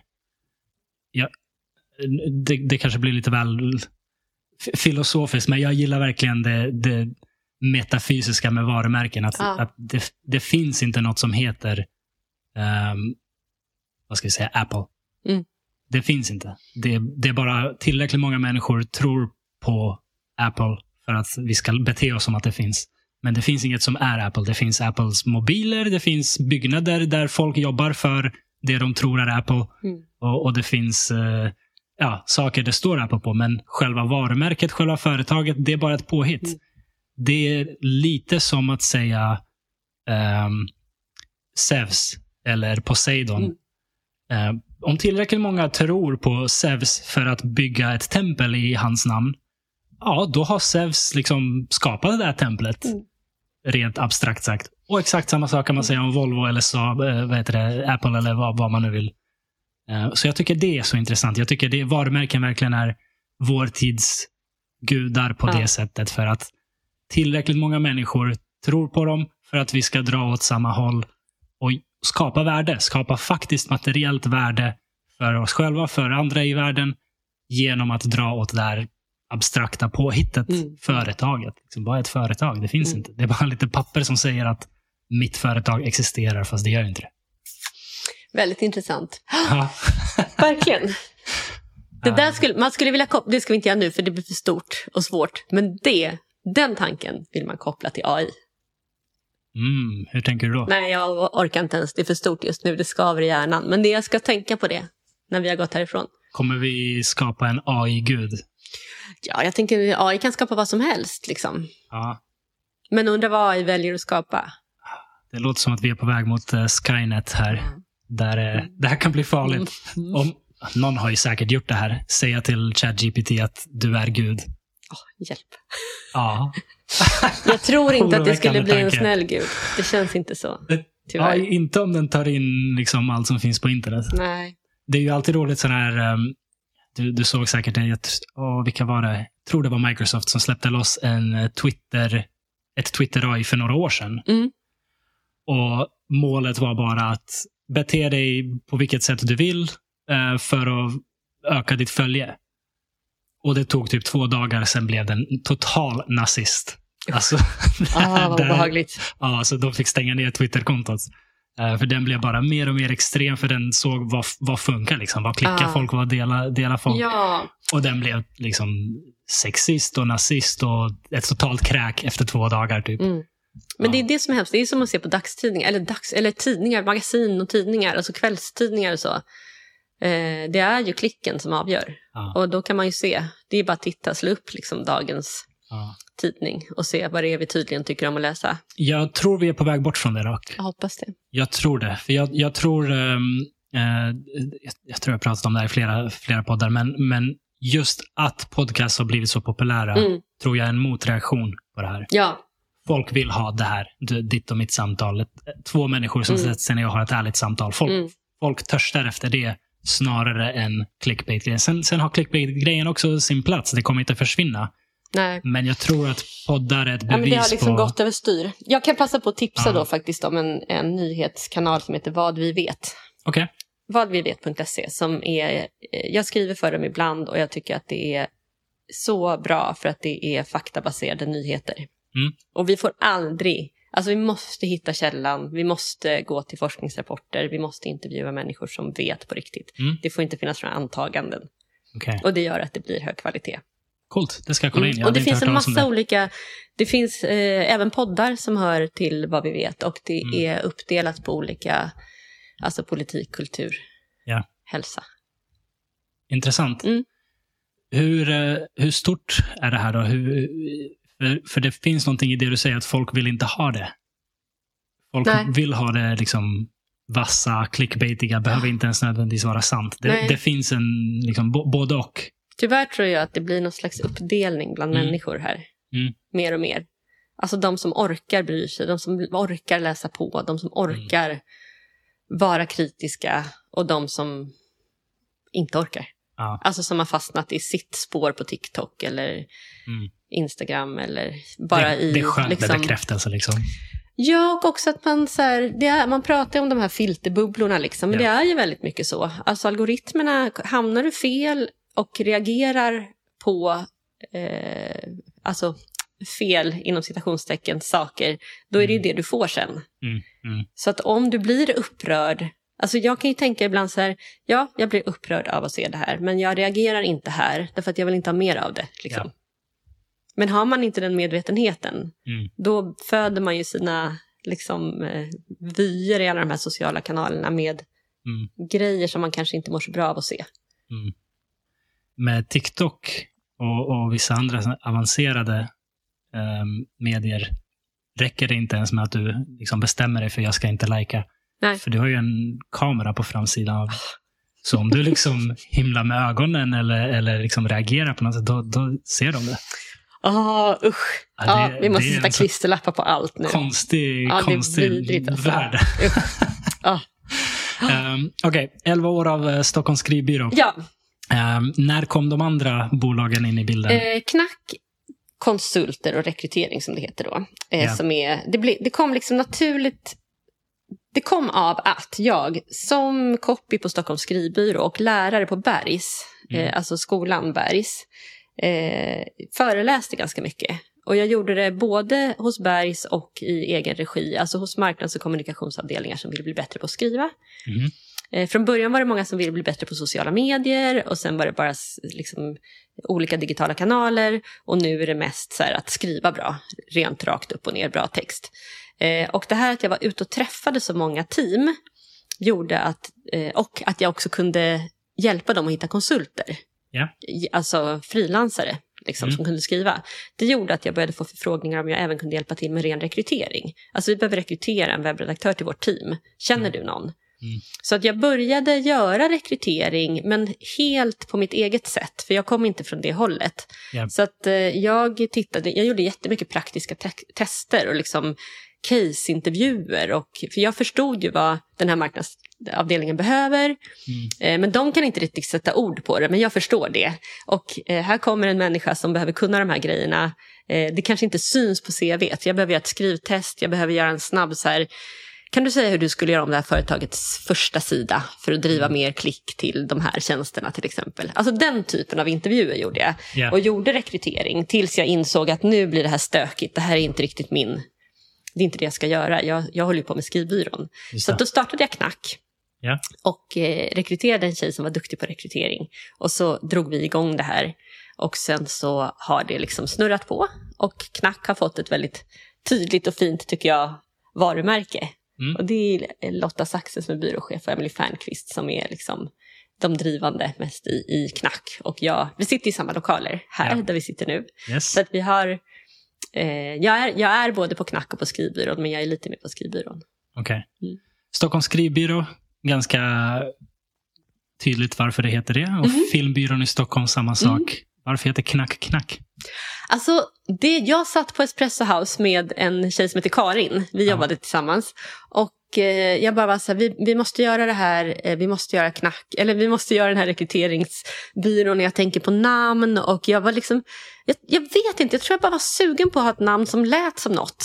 Alltså jag Ja. gillar de här ljudnamnen och jag tycker, jag ville ha något som man skulle komma ihåg och som kändes kul att säga. Och sen så gillar jag jag, jag kom på knack, det dök upp liksom. Jag satt väl och lekte med ord antagligen. Mm. Men så började jag kika på knack och gillade att det både var en koppling till någon slags knacka på och liksom öppna nya dörrar. Men också att knack på engelska betyder liksom att ha talang för någonting. Mm. Så jag tänkte att det blir, det kan nog bli ett bra ord. Mm. Det är ett bra ord. Ja, jag gillar Ja. det fortfarande jättemycket. Kort, effektivt, tydligt. Och lite sk- lite skojigt liksom, Ja, tycker jag. ja, ja men jag gillar det. Jag gillar det. Um, Okej, så hur Ja. länge har Knack funnits? Ja, men vi är lite oense om det där. Asså? Och jag har, som du redan har märkt, har lite dålig koll på tid. Men alltså, det började ju lite innan det faktiskt blev ett företag. Mm. Liksom. Men jag tror att vi snackar fem sex år. Okej. Mm. Mm. All right. Och sen eh, senast in i bilden är Filmbyrån i Stockholm. Ja, precis. Och, och vad gör Filmbyrån? Filmbyrån är väldigt mycket uppbyggd som skrivbyrån. Alltså på skrivbyrån så är vi ju ett gäng människor som jobbar som är anställda här, som har liksom det här som fast arbetsplats. Och sen har vi väldigt många frilansare som är duktiga på olika saker. Och på filmbyrån är samma grej. Alltså vi Okej. kan ta olika typer av filmproduktion därför att vi har olika typer av filmfolk i våra nätverk. Mm. Men jag skulle säga att det vi gör mest, det är eh, eh, kommunikations och marknadsfilmer. Eh, filmer. alltså film för content marketing kan man säga. Ja. Mycket så här case, referenscase, alltså man visar upp en nöjd kund. Employer branding-filmer, så här härliga är vi, liksom, för att locka folk. Mm. Eh, och sen är det väldigt mycket, och de är lite större produktioner, liksom med flera kameror och proffsigt, proffsig filmproducent.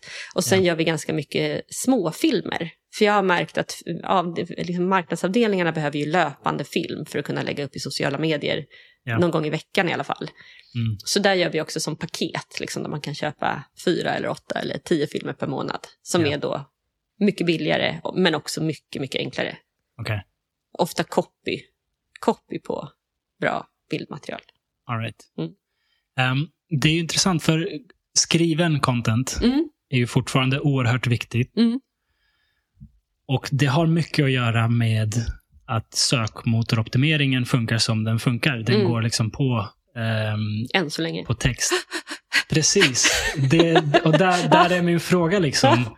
Känner, eller ser du att det börjar gå åt det hållet att ja, men i takt med att eh, AI blir bättre, i takt med att eh, sökmotorerna blir bättre, så kommer de säkert kunna söka mer på bild och rörlig bild. Absolut. Börjar det liksom synas på marknaden att det blir mer intressant med sånt än med text, eller har vi inte kommit Nej, dit än? jag tror inte vi har kommit dit än. Okej. Och jag tror också, ibland, ibland kan jag känna att ehm, Alltså vi som jobbar med sånt här, vi ligger också så otroligt långt före. Alltså Mm. jag kommer ihåg redan för sju år sedan var jag så trött på att prata om content marketing. Det. Men det var ju först för några år sedan som det blev en självklarhet. Mm. Så det där är ju, eh, det där tycker jag är lite svårt att reglera, liksom, när man hela tiden träffar väldigt många människor i branschen. Ja. Och jag har ju förmånen att göra det för jag träffar många uppdragsgivare, jag träffar många copies och människor som skapar digitalt innehåll och även jobbsökande via Knack och Ja. uppdragsgivare via Knack.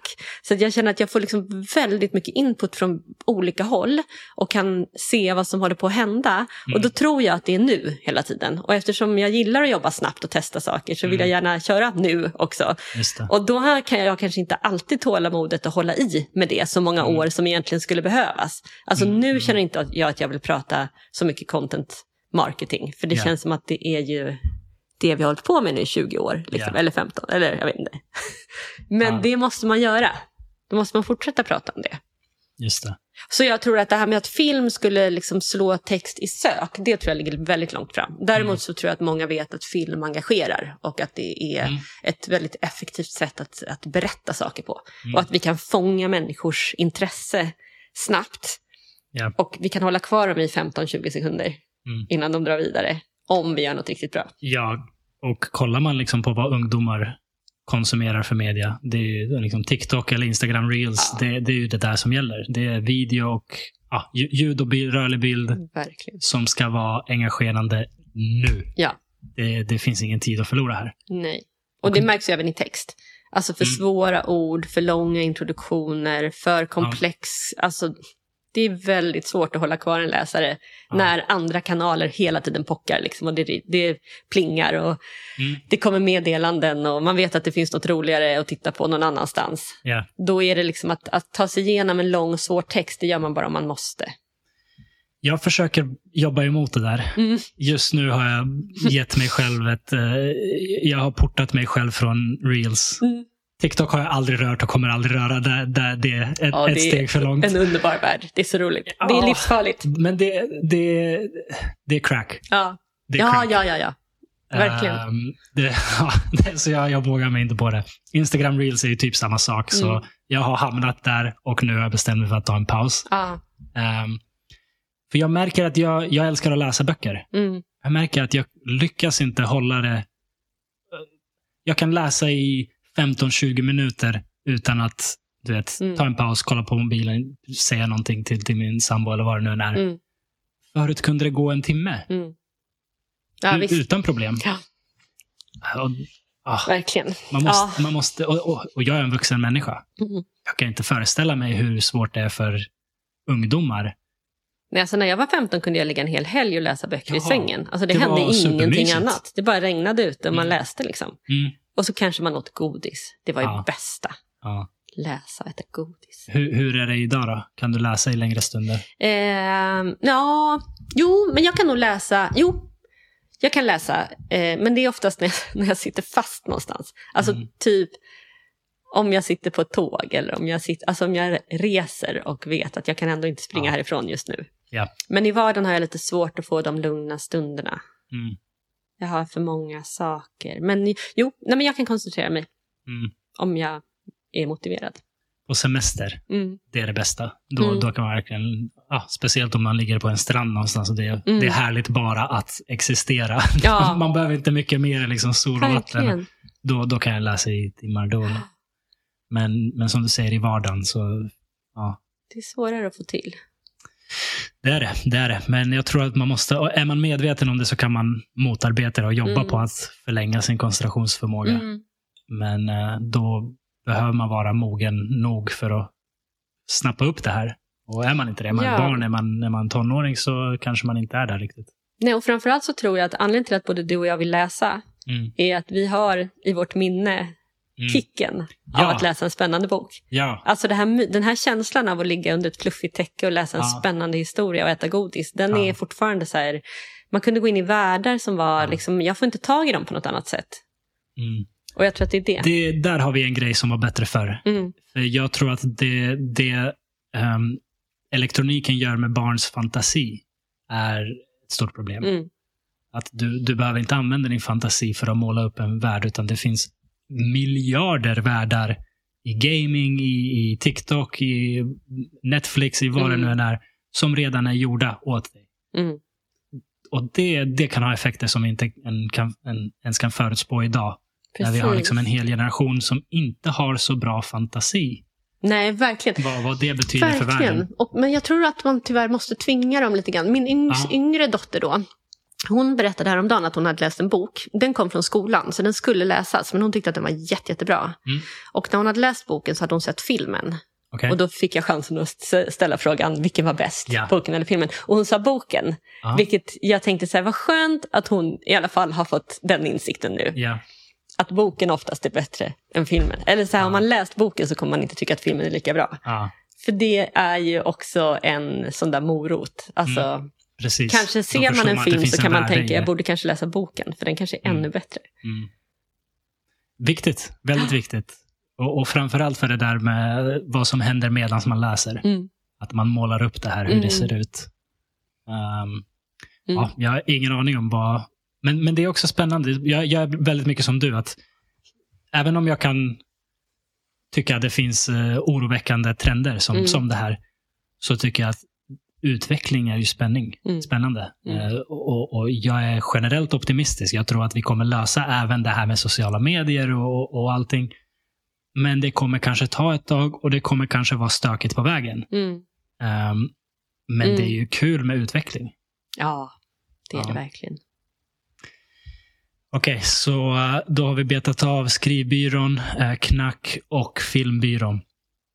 Vi Kom- har ett på gång till. Ett till bolag. Mm. Fast Okej. det vet, jag, kanske jag, inte Anna, jag tror du har ett problem. Ja, jag vet. Jag du, vet. Det här är, där börjar spåra ur. Men Okej, det är bara är för att det det här behövs. Nej, men det är en skrivskola. Alltså en digital Mm. skrivskola. Okej. Och det, kän- det är så självklart för att vi jobbar så mycket med utbildning i alltså dels föreläsningar men också rådgivning till uppdragsgivare. Ja. Och en, alltså otroligt många människor idag som vill bli bättre på att skriva bara. Mm. Alltså man måste bara, alla måste kunna göra en uppdatering på LinkedIn, alla måste kunna skriva ett schysst mejl, en schysst rapport. Alltså, ehm, så det, det är någonting som har liksom hållit på länge men vi måste snart lansera den här skolan för den har legat och varit nästan klar ganska Ja. länge. Och jag märkte, vilket jag tycker är jättespännande också, att för jag drog igång ett TikTok-konto i somras för att Okej. testa TikTok. Och då delade jag skrivtips. Det var någon som sa så här, TikTok är så bra. Det var Elçim, superturken. Okej? Ja, hon är PR-stjärna i Okej. Stockholm. Mm, Mm. hon sa så här, det som är så schysst med TikTok, det är att det är fort och fult. Mm. Och då ja. tänkte jag perfekt. För jag gillar när det inte är så himla petigt med att det måste vara så himla snyggt och bra. Liksom. ja. Tänkte jag bra, då ska jag testa TikTok. Jag gör fort och fult. Jag ger skrivtips när jag är ute och går eller när jag, alltså bara när jag får en stund. Liksom. Mm. Och jag fick, eh, nu har jag varit lite dålig på att uppdatera, men jag märkte att jag snabbt fick många ungdomar såklart, för det är deras kanal. Ja. Men de var så himla gulliga och uppskattande. Jag fick till och med mejl liksom, Mm. från folk som sa jag älskar dig, du hjälper mig på ett sätt som min lärare inte kan göra och Ja. jag behöver de här skrivtipsen. Och jag förstod vilken lucka det finns i alltså skolungdomar som är stressade över att de måste kunna skriva bättre för att kunna prestera bättre i skolan. Ja. Och de saknar eh, liksom kunskap om hur man skriver bra, hur man planerar en längre text, hur man får Mm. ihop ett bra innehåll, hur man hittar en röd tråd. Och även så rent grammatiskt, vad är det för skillnad på det och dem? Vad är det Ja. för skillnad på var och vart? Alltså den typen av... Så där är lite så här... Jag, jag har ju alltid bara jobbat mot affär och liksom marknadsföring och sälj med Mm. texter. Men det här var som att det öppnade ett litet nytt spår som jag går och tänker lite på. Alltså jag känner att jag har lust att folkbilda liksom på ett annat sätt inom Ja. skrivande. Jag tycker det är så viktigt. För att ord och språk är verkligen makt liksom, och du behöver det för att ta dig fram. Ja. Särskilt i en eventuell skitvärld Mm. ja. så är det bra. ja.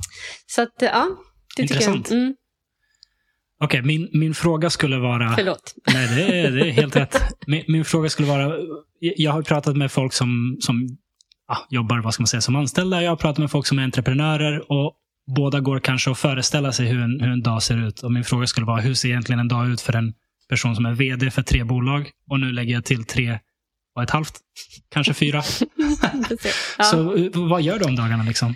Eh, nej men jag eh, går till mitt kontor, eller till vårt kontor i Gamla stan. Mm. Jag tycker om att gå till kontoret. Ibland lyxar jag till det ordentligt och sätter jag mig på ett café och jobbar Ja. lite grann. Men det här är en väldigt härlig plats och jag var också här under hela pandemin. För Mm. att då var det tomt här men jag bor så nära så att jag kan gå hit. Okej. Och ehm, ja, jag skulle inte klara av att sitta hemma tror jag så länge. Så jag går hit och här eh, brukar jag ha lite avstämningar med alla som jobbar här. Mm. Lite på olika håll så här. Det är oftast någon som, det, antingen har vi en ordnad eh, avstämning eller också är det någon som rycker i mig och vill ha svar på någon fråga eller bolla något. Eller. Och sen är det nog så att eh, jag jobbar väldigt mycket utifrån min lista. Jag har en listbok, alltid. Jag har Ja. den här framför mig på bordet. Eh, jag hörde någon gång att Gunde Svan körde med listor. Jag gillade, Okej. eller vänta, var det Gunde Svan? Nej, det var Stenmark kanske. Nej, det är. Gunde Svan. jag tror att det var Gunde. Svan. I alla fall, det är alltså en bok där man bara skriver sin lista. Och så fort jag får upp något i huvudet som jag måste komma ihåg så skriver jag det på min lista. Mm. Och så stryker jag undan vartefter. Och varje dag egentligen så renskriver jag min lista. Eller när jag går från jobbet dagen innan så renskriver jag min lista. Mm. Så att jag vet imorgon vad jag ska göra. Och Ja. ibland sätter jag också 1, 2, 3, 4, 5. Alltså jag numrerar dem i vilken ordning jag måste göra dem. Ja. Så att jag inte går på impuls och tar det roligaste först. Är det här någonting som du som bara naturligt växte fram för dig eller lärde du dig det här någonstans ifrån? Nej, det här har vuxit fram. För jag har försökt, mm. ibland när jag är väldigt stressad, då signar jag upp på en massa olika nya digitala planeringsverktyg. För att det känns mm. himla skönt att få ordning. Yeah. Men jag har insett att jag är inte i de verktygen. Den här boken har jag alltid i min väska. Jag tar upp den, jag skriver. Ibland tar jag mötesanteckningar direkt i boken. Ibland skriver jag. Så det kan bli avbrott i listorna liksom, för att det kommer plötsligt något annat. Men i övrigt så är det listböcker. Okay. Eh, och ja, det funkar för mig därför att jag kan skriva allt från liksom, ta fram en strategi för det här företaget till eh, glöm inte att köpa bullar till mötet imorgon. Eller yeah. ja, betala den här räkningen. Eller, så det är verkligen högt och lågt på samma lista. Mm. Och det gör att jag vet att här har jag allt jag ska göra. Mm. Så den listan tittar jag på då när jag kommer in på morgonen. Mm. Och då kan det vara mycket så här, ja, men jag har mycket möten med eh, olika typer av företag. Oftast kanske marknadschefer eller vd som vill ha hjälp med sin digitala marknadsföring. Eh, sen har jag vissa kunder som jag själv skriver för. Det är inte så många, men ibland liksom ramlar jag in på något och tycker att det är ganska roligt också. Bra att jag fortsätter ha kontakt med skrivandet och alla de här digitala kanalerna så jag inte mm, tappar. Mm. Liksom. Yeah. Eh, sen har jag ganska mycket föreläsningar. Särskilt den här våren har det varit jättemycket. Jag har stående föreläsningar på Resumé Akademi och Webbdagarna Akademi. Okay. Eh, jag har ingen egen kurs på Bergs nu, men ibland är jag inne som gästföreläsare. Mm. Och så är det ibland ute hos företag. Eh, och då brukar det vara halvdagar eller heldagar i workshop-format. Okay. Alltså föreläsningar och övningar och så. Så då har jag oftast lite så här, något sånt som ska förberedas. Yeah. Förra veckan var det webbdagarna, nästa vecka är det Resumé Akademi. Eh, och där föreläser jag liksom i strategi, det är en kurs i så supercopy, alltså konverterande copy digi superdigitalt, är en kurs. Och en kurs är eh, klarspråk och mer myndighetsspråk. Mm. Så att jag tycker att jag har fått in mina bästa delar i tre olika kurser, vilket känns väldigt kul. Häftigt. Ja. Eh, nej men och sen är det ganska mycket högt och lågt. Och jag har inte riktigt, alla som jobbar här är väldigt duktiga på det de gör. Ja. Eh, och det har nog också varit en förutsättning eftersom jag då inte ville bli chef och Mm. inte ville egentligen anställa. Mm. Så är det det som funkar bäst. Att eh, alla vet ungefär vart de ska och har friheten att gå åt det hållet. Och Ja. eh, jag finns här för att bolla med, men jag är inte liksom, jag är inte så kontrollerande. Jag är Mm. väldigt glad om folk kan gå själva. Jag tror och hoppas att de uppfattar det så också. Ibland Ja. kan jag tycka om saker, men jag försöker inte vara inne och peta i detaljer som inte jag borde vara i. Liksom. Gud, det där är så viktigt. Jag, jag har fått vara chef och ledare för både gäng som är eh, egenmotiverade, Mm. så att säga, Mm. och för folk som inte är, eller i, i, i yrken där, är, där, man, där ledaren behöver motivera. Aha. Jag insåg att jag, det, det förstnämnda klarar jag av, det, Mm. det, det andra inte alls. Nej. För jag är sån själv, jag, ingen annan behöver motivera mig. Nej. Det, det hjälper inte att någon försöker motivera. Varför, varför ska jag, jag är motiverad nog Ja, som jag det är. vad jag Om om jag vill göra någonting så gör jag det. Ja. Vill jag inte göra någonting, då kan du säga vad du vill. Ja. Jag, jag kommer inte göra det. Det här, är, det här är mitt jobb, det gör jag bra. Liksom. Ja. Så jag behöver sådana människor. Ja. Och det låter som att det är lite så här också. Att själv, Ja. Självdrivna människor är Ja, precis. viktigt. Ja, Mm. precis. Men, och, det, och i det, det gör också att jag själv har ganska mycket... Ibland kan jag tänka "Gud, jag kanske skulle ha en assistent. Liksom. Mm. För jag hamnar tyvärr, det här ska jag jobba med, men jag hamnar tyvärr ganska mycket i att men du vet, kolla upp, så, kolla upp något avtal eller ringa. Eller du vet, sån här små skit som jag verkligen Ja. inte tycker om. Men Men mina tar tid. listor består lite grann av sånt Mm. fix Mm. som är svårt att göra av med tycker jag. Det är svårt att lägga på någon annan därför att det är ändå jag som är fir- firmatecknare och det är jag som har liksom, och det är jag som har koll och jag har historiken. Och, Mm. men så det är verkligen högt och lågt. Mm. Men väldigt varierade dagar. Ja, det låter Och det är det. roligt. Och det som är kul tycker jag också är att det är, eh, vi är i en bransch i snabb utveckling och det är företag som är i snabb utveckling. Så att eh, tidigare, innan jag startade eget, så bytte jag jobb väldigt ofta. Mm. Men sen jag kom hit så känns det som att jag byter jobb Just det. jättemycket. Ja. Och dessutom tycker jag om att ibland också eh, liksom styra om lite i vilka uppgifter man har. Alltså drömmen på en arbetsplats tycker jag, det är ju när man kan då och då ha avstämningar och bara säga vad tycker du om att göra, vad tycker du inte om att göra? Ja, men det här älskar jag, det skulle jag vilja ha mer av, det här tycker jag inte om. Nej men okej, men då slänger vi den tråkiga uppgiften på bordet. Är det någon annan här som skulle tycka att det var kul att ta tag i det här? Så bara, ja det, det har jag drömt om. Alltså lite så, att man kan byta uppgifter med varandra, att man kan göra om rollerna efter vad som dyker upp. Ja. Och också tänka, men det här kanske inte är någonting ens som vi ska hålla på med. Ingen här vill göra det. Är det ger det ens några pengar? Så nej, men då skiter vi i det då. Vi tar Ja. bort det. Liksom. Ja, Alltså det är ju bästa sättet om man kan ha det så. verkligen. verkligen. Och jag tycker nog att jag har det så ganska mycket. Då gäller det verkligen att ha det vi pratar om. Självdrivna människor omkring sig som, Mm. Ja. som inte är rädda för att ta för sig. Och, Verkligen. och att man har kanske någonstans en gemensam eh, målbild. Mm, Att alla vet vad, åt vilket håll de drar så att mm. man kan släppa kontrollen och, och det går ändå åt rätt håll. Precis. Och, och eh, jag tror också att det hänger mycket på att man har engagemanget och att man känner själv att jag har hamnat, det här är jag bra på. Alltså jag är nog Mm. bäst på det här, på den här platsen, det jag håller Mm. på med nu. Mm. För det blir också ett driv i att eh, ja, men liksom vilja... mm, Jag skulle inte säga att vi är så prestationsdrivna här, men jag vet att folk tycker att de mesta delarna av jobbet är väldigt roliga. Mm. Och det gör ju att det blir självklart att man vill ta sig framåt och man vill ta Ja. nästa steg och lära sig mer. Och, och sen har vi ibland, vi har något som vi kallar för bjudlunch här varannan torsdag. Okej? Då äter vi lunch. Det heter bjudlunch för att företaget bjuder på lunch, Ja. men vi som äter lunchen bjuder på kunskap. Så Oh, vi, det går snyggt. runt liksom. Mm. Och det är väldigt så här, frivilligt. Det brukar lösa sig. Någon säger så här, nästa gång ni bjuder lunch vill jag prata om det här. Och sen Mm. får vi liksom en, en och en halv timme av något ämne som vi inte kände till. Eller som Kul. någon är väldigt duktig på. Ja, Det är jättekul, för det kan vara vad som helst. Det måste inte vara jobbrelaterat. Nej, vi har haft ganska blandade grejer. Nu senast var det AI då, då såklart. Mm, mm. Men vi har haft kärlekens språk. Okej. Det var väldigt spännande. Det finns ju olika eh, sätt att kommunicera i, eh, liksom, eh, Ja. i, ja, inte bara kärlek, kanske även i Mm. vänskap och familj. Och, Komplimanger och ja, beröring. och... prylar, eh, Ja. tjänster. Ja. Mm, mm. Så det, ofta så är det så att vi har en liten introduktion till ett ämne, sen har vi en liten workshop och så pratar vi om det här. Och det gör ju att vi också lär känna varandra väldigt mycket. Vad roligt.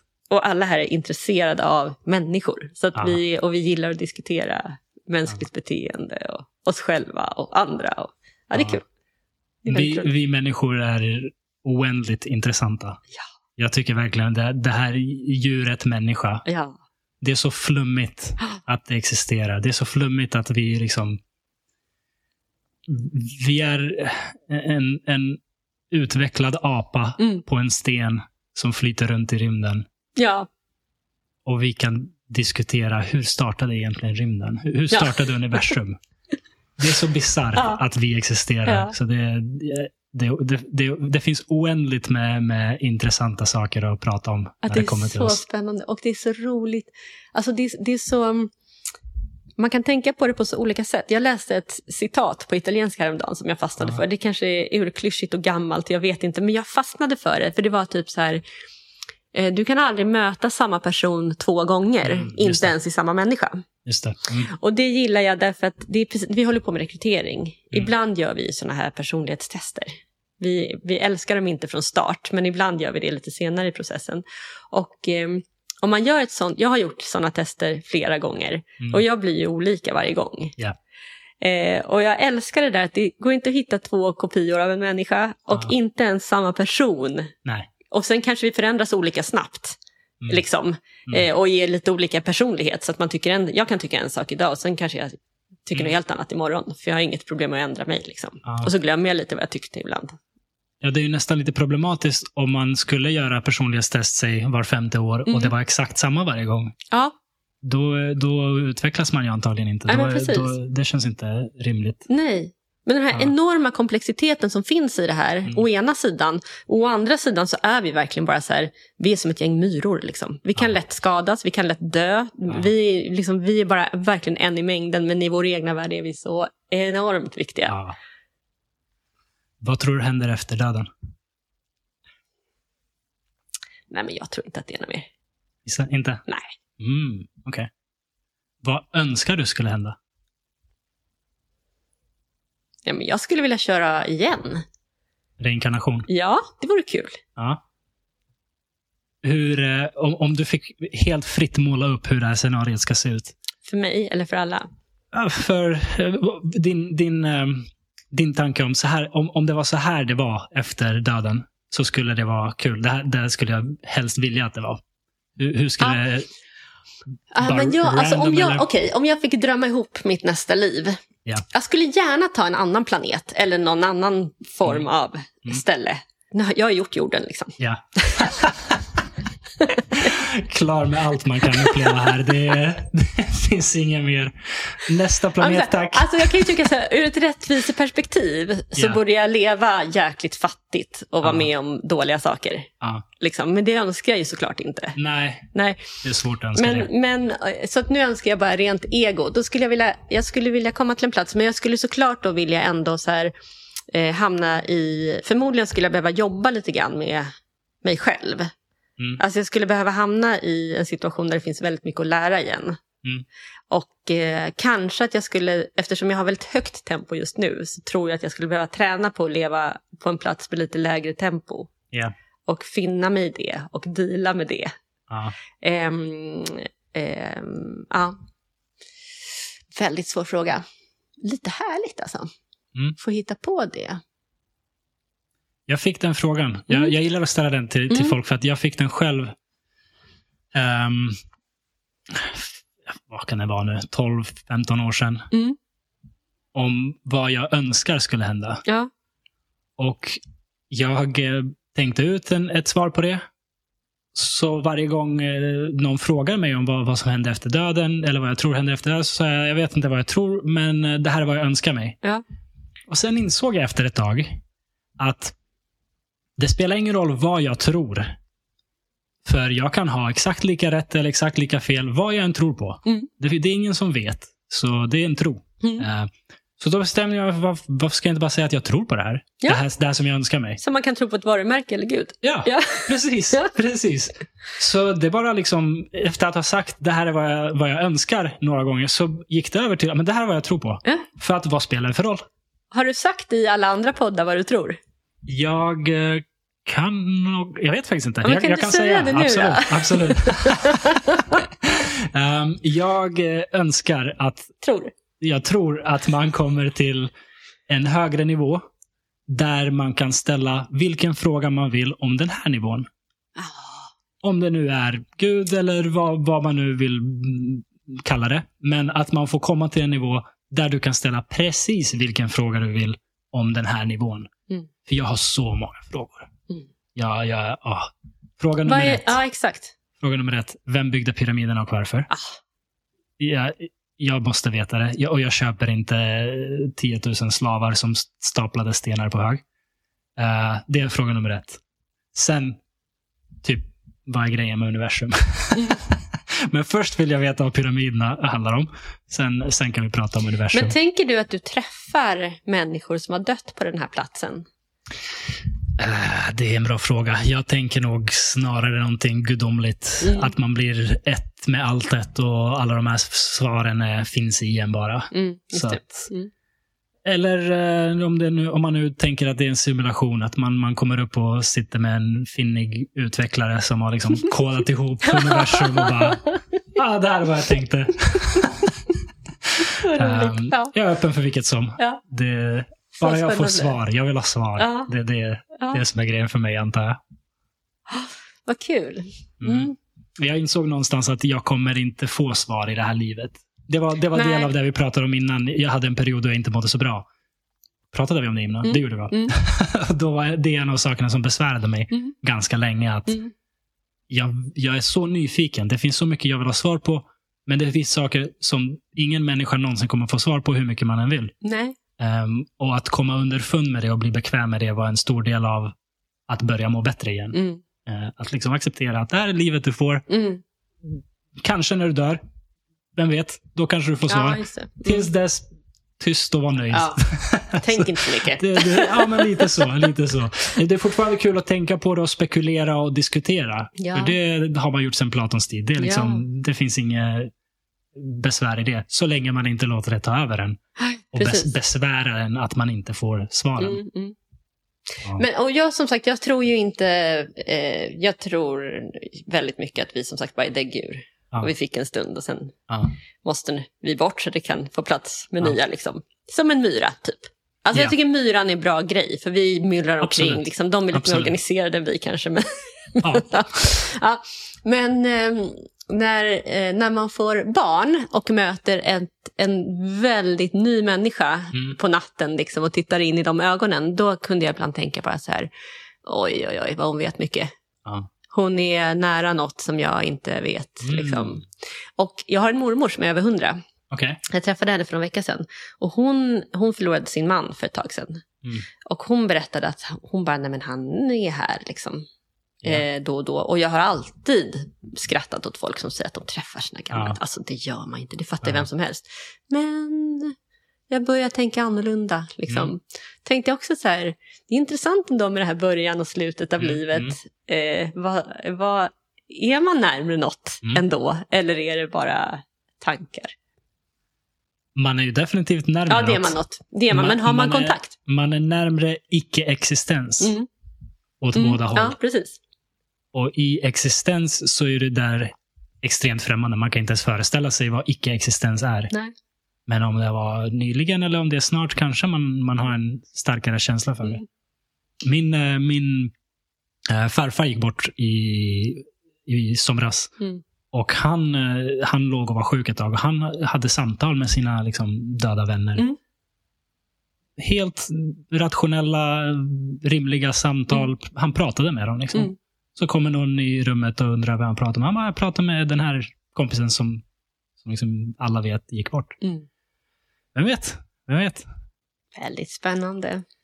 Ehm, alla kommer vi en dag få ta reda på det i alla fall. Så det är bara Mm. se vad som händer. Mm. Men ehm, ja, om vi kommer tillbaka ner till på jorden eh, lite grann här.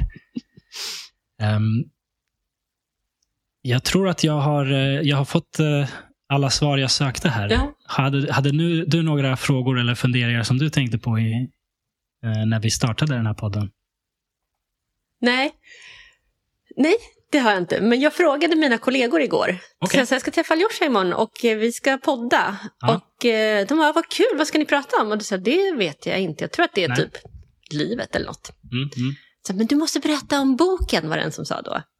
Och du måste berätta om eh, dina flyktkänslor, sa en annan. Okej, Nu kommer det här lite sent. okay. kör. kör.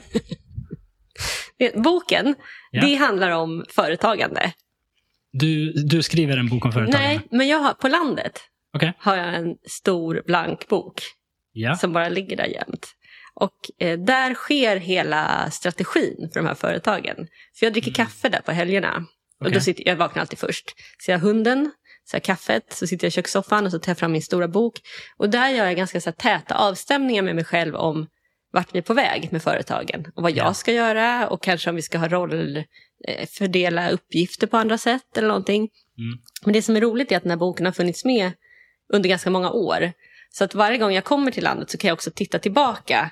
Vad var det jag tänkte om 2023? Ja, just det. Ja, men bra. Nej, men jag verkar vara på rätt spår. Jag har kommit en bit liksom. Och så bläddrar jag fram och så tänker jag lite framåt. Ja. Och eh, jag tänker just så här, det är så mycket prat om strategier och företagande och planering och så här. Och eh, jag tänker att alltså jag, jag gillar liksom det enkla i mycket. Mm. Och så här, det sunda förnuftet. Och den här boken blir någon slags symbol för att det går att driva företag även med en ganska enkel Mm. Ja. bok och några tuschpennor. Liksom. Eh, och att det är bra, tror jag, apropå vi pratade om att skriva dagbok från början, Mm. att det är bra att täta avstämningar med sig själv. Och Mm. reflektera över, så här, är jag på rätt spår? Är det något som skaver just nu? Eh, det kan vara småskav, att man känner i- en relation eller i något som tar för mycket tid. Eller, och om man gör det där varannan vecka eller en gång i månaden, då är det ganska lätt att styra rätt, liksom, utan att det blir för stora Mm. skav och Ja. problem. Så det är någonting som jag tänker så här för alla människor, att det är bra att eh, ha tätare avstämning med sig själv. Mm. Mm. Jag märker det också när vi möter människor på, i, hos Knack, alltså som söker jobb och så. Ja. Att det är många som har missat avstämningen med sig själv, som Mm. bara kört på och som har eh, kanske lyssnat för mycket på vad andra tycker Mm. och på andras förväntningar. Ja. Tills man har kommit så långt så att det bara så här kraschar. Liksom. Ja. Och då är det väldigt svårt att reda ut i sig själv vad det var man ville vad man skulle ha gjort annorlunda eller vad man egentligen ens tycker om att göra längre. För man har Ja. glömt det. Liksom. Intressant. Det, jag, jag tänker spontant att det finns lite kontrast mellan det här och det du sa förut, att du alltid har gått på känsla. Mm. Ja. Ja. ja, bra där. Tack. Så uppmärksamt. Så Ja. hur, hur går det här ihop då? Men jag tror att det är, känslan är nog att jag har, i det här blocket så går jag väldigt mycket på känsla. Alltså jag känner verkligen efter. Vad Ja. är det jag inte är nöjd med just nu? Vad är det som pirrar liksom? Vad är det jag vill göra mer av? Och det blir vägen framåt, Mm. Strukturerad magkänsla. kan man säga. Kanske. Ett nytt eh, begrepp vi har Ja, myntat här. precis. Mm. Och då vill jag hävda att när magkänslan är, sitter i huvudet, liksom. Mhm. Alltså att det finns en, jag menar alltså det är klart att det är en känsla, men det finns en, eh, eh, det finns också en erfarenhet och en så här, mm, en analys i, det här har jag känt förut. Ja. Och då vet jag så här, antingen vet jag att ja, det ska jag springa på eller nej, det ska jag inte springa på. Ja. Ehm, så att man liksom, jag tror att titta bakåt i och lära känna sig själv i beteenden och så här, det här ska jag inte springa på. Jag har sprungit på liknande saker förut. Det känns jättekul i början men det blir inte bra sen. Ja, Liksom. ja. Men däremot det här pirret, det är en annan typ av pirr och det borde jag nog, känner jag det pirret om tio dagar, då Mm. är det viktigt. Då ska jag göra det. Har jag Okej. glömt det så skiter jag i det. ja. Rimligt. Ja, Väldigt rimligt. Hur, hur ofta är det, ta, ska man ta en avstämning med sig själv? En gång i månaden. En gång i månaden? Men jag tror också att man ska vara uppmärksam så här, i vardagen på sådana här små känslostämningar. Mm. Alltså, Lite mindfulness? ja men kanske sen, nej men nu, det här kändes inte så kul efter det här mötet. Mm. Varför det då? Liksom. Mm. Var det jag eller var det, var det något, ja, vad var det för någonting för att Mm, försöka ta, mm. ta tag i det liksom? Eller, oj vilket så här, lyckorus jag fick just nu, vad berodde det på? Ja. Kan jag återskapa det här liksom? Det där är jätteintressant, för det finns ju mycket eh, studier på det att den här magkänslan, vi behöver inte förstå den, men vi borde lyssna på den. Mm. Eh, och mycket med typ ehm, fara, farliga människor. Mm. Stöter man på någon person som är lite så här, man får dåliga vibbar av den. Mm. Lyssna på den, den känslan. Ja, För att det här har evolverat under liksom, tiotusentals år. Och de som har reagerat på den här typen av fara har överlevt. De som inte har gjort det har inte överlevt. mm. Så de här vibbarna som vi, som vi får, det finns någonting där. Precis, men jag tänker också att det som är farligt med det, det är att vi också har så mycket fördomar. Mm. Och jag kan ta några, alltså ibland till exempel så kan det hända att jag möter en människa som, som känns just sådär lite nästan hotfull kanske och inte så kommunikativ. Ja. Och ganska ofta har jag blivit motbevisad för om jag tar första steget så kan det vara den människan som spricker upp mest och blir så varm. Liksom. Mm. Det var bara det att fast det var en jättestor skäggig man till exempel så kanske han bara var lite blyg Ja, ja. och inte vågade söka kontakt. Mm. Eh, och på samma gång så kan jag tänka, eh, ja, nej men alltså, det är väldigt lätt. Det är lätt att bli, också i vår värld nu. Jag Mm. tror att folk ska vara, särskilt om man känner rädsla för någon så ska man vara extra uppmärksam och tänka, är det här, finns det någon anledning till att jag känner mig rädd just nu? Ja. Stopp och belägg. Är det bara för hur någon ser ut? Ja, det, det är intressant att du säger det här, för jag, jag, jag, jag var inne på ett motsatt spår där. Mm. För jag, jag tror att eh, vi lever i en tillräckligt trygg värld för att, vi har, eh, för att vi ska kunna ha den lyxen. Mm. Levde vi liksom så som vi levde för 5000 år sedan, Mm. Så har du inte den lyxen. Utan får, du, får du en negativ vibb, stick härifrån. Ja, Absolut. Du, du ingen... Men idag tror jag att många bygger in sig på grund av sina rädslor. Mm, Man mm. vågar inte prata med människor som man skulle kunna ha jättetrevligt med. Vi lär inte känna varandra. Ja. Vi förstår inte varandra. Det är därför det blir så mycket motsättningar. Vi måste liksom försöka våga släppa in mer och Mm. ta lite grann risken att så här, det kan bli pinsamt, det kan bli jobbigt, någon kan vara otrevlig. Där, där får håller deala jag med med det, dig helt liksom. och hållet. Jag, jag tycker en, jag är humor Mm. är, är ju en sån sak. Mm. Ehm, senaste, jag vet inte, tio åren Mm. så har det förändrats ganska mycket. Mm. Folk är, jag vet inte om det är på grund av sociala medier, men sociala medier har säkert bidragit till det. Att Mm. komiker blir uthängda för något skämt och, och, och, det är provokativt och, och så vidare. Mm. Och så vågar folk inte. Och, jag har alltid jag har alltid tyckt att ehm, m- man måste våga trampa någon på tårna då och då. Mm. Eh, för gör man inte det, då vet man inte vad gränsen är.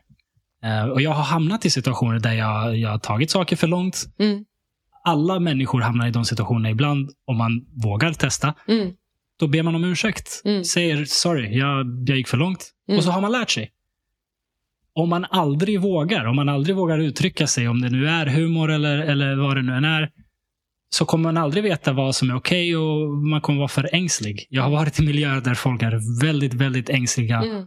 och det är inget kul. Det, Nej, jag är tycker också att det är kul. ett problem. Alltså. Alla bara väntar på att någon ska säga fel. Använda fel pronomen eller, eller Ja. säga ett ord som inte längre är okej Nej. att säga. Och då hugger de Ja. För att höja sin egen status. Ja. Nej, men det där är jättejobbigt. Och, jag, och det tycker jag också är så medtag från alla resor. Har man varit Mm. borta från Sverige ett tag Mm, och rest och liksom varit i andra sammanhang och träffat andra kulturer så kommer man hit. ja, Jag upplever alltid att vi är så sjukt ängsliga här. ja, Alltså det är så försiktigt. Det är hur man klär sig, hur man beter sig, vad man kan prata med och hur, vad man ska Mm. synas och hur man kan låta. Och alltså, det är ett sånt hinder för att ha ett roligt liv. mm, Där kan jag verkligen säga, men gud, gör bort det lite oftare så får du Mm. roligare. Ja. Det, det är, jag menar, om det nu inte händer någonting här ja. efter det här livet, då får man ju åtminstone se på. till att man kan ha lite kul Ja. under den här korta tiden. Verkligen. Vara en verkligen. glad myra. Verkligen. Ehm, och jag, jag har upplevt att det kan gå så långt att det blir det problemet man försöker lösa. Om du förstår vad jag menar. Man, eh, man är så försiktig att man exkluderar folk som är annorlunda. Mm. För att man är rädd för att säga någonting fel, för att man förstår sig inte på deras kultur eller deras bakgrund eller vad det nu är. Mm. Så man exkluderar dem hellre än att sätta sig själv i en situation då man kan råka säga något fel. Mm. Eller påpeka något som kanske råkar förolämpa någon. Verkligen. Så det blir det problem som man försöker lösa. Mm. Eh, om det nu är rasism eller sexism eller vad det nu Mm. än är. Det blir att man agerar rasistiskt eller sexistiskt för att man är så rädd för att göra Verkligen. fel sak. Ja. Och då exkluderar man hellre dem som man kan råka göra fel sak mot. Ja. Om, om man har rest mycket eller om man har bott eh, i multikulturella områden så, så tror jag att man är lite eh, det där kommer lite mer naturligt för en. Mm. Har man levt homogent i, i homogena umgängeskretsar, då tror jag att det där är svårare, såklart. Mm. Nej, men jag, tror liksom, jag tror verkligen på att i grunden så vill vi alla, alla människor vill på något sätt göra bra från början. Och sen Mm. kan man bli stukad på vägen. Mm. Och man kan få fel uppfattning om vad som är bra. Exakt. Men det är därför vi måste vara liksom välvilligt inställda till varandra och inte anta att Ja. folk vill det värsta hela tiden. Även Mm. om det hoppar en groda i munnen på någon så kan man kanske tänka, alltså då är det bättre att vara nyfiken och försöka förstå varför säger du så? Exakt. Eller varför Exakt. använder du det här ordet? Varför tycker du att det är ett bra ord? Mm. Liksom. Exakt. Ja. Nej, jag, jag är helt med dig. Um, du nämnde att dina kollegor sa någonting om en bok och Jag frågar om vi ska gå in på det. Det känns för stort här. Är det idag. så? Jag tror inte det. okej, okej, då skippar vi det. Ja. Vi har berört ganska stora ämnen redan. Jag kände att jag blev lite trött. Det, det är fullkomligt rimligt. Um, Okej, men då, då kan vi börja avrunda. In. Innan vi avslutar så om du vill skicka lyssnare någonstans, är det någon hemsida eller din TikTok eller någonting? Vad skulle du vilja att folk eh, spanar in? Ja, men jag tycker så här. Eh, om man tycker att det är kul med text, eller om man någon gång behöver text, Ja. Då kan man ju antingen ringa dig direkt, eller så kan man höra av sig till Stockholms skrivbyrå. Ja, ja. Och om man behöver eh, människor som kan jobba inom kommunikation och marknadsföring, eller om man söker ett jobb, då kan man kika på knackrekrytering.se. Om man vill ha film, Mm. då kan man höra av sig till mig direkt. ja. Och jag är gärna, jag är aktiv i nästan alla sociala kanaler men är väldigt förtjust i LinkedIn just för tillfället. Mm. Så jag är öppen för alla kontaktförsök där. All right. Det är kul. Jag slänger in lite länkar i Mm. avsnittsbeskrivningen så, så hittar folk det. Ja. Anna, tack så jättemycket. Tack så jättemycket. Vad kul att du gör en podd om vanliga människor. Ja. Jag älskar vanliga människor. Ja, men jag med. Ja. Och man lär sig att det finns inget som heter vanliga människor Nej. nästan. Alla är ovanliga, alla är vanliga. Det, Ja. det, ja. Det är helt fantastiskt. Alla har någonting intressant att dela med sig av. Tack så jättemycket för att du Tack tog dig tiden. själv. Och ehm, tack till dig som har lyssnat. Vi hörs nästa gång. Ha det bra. Hej hej.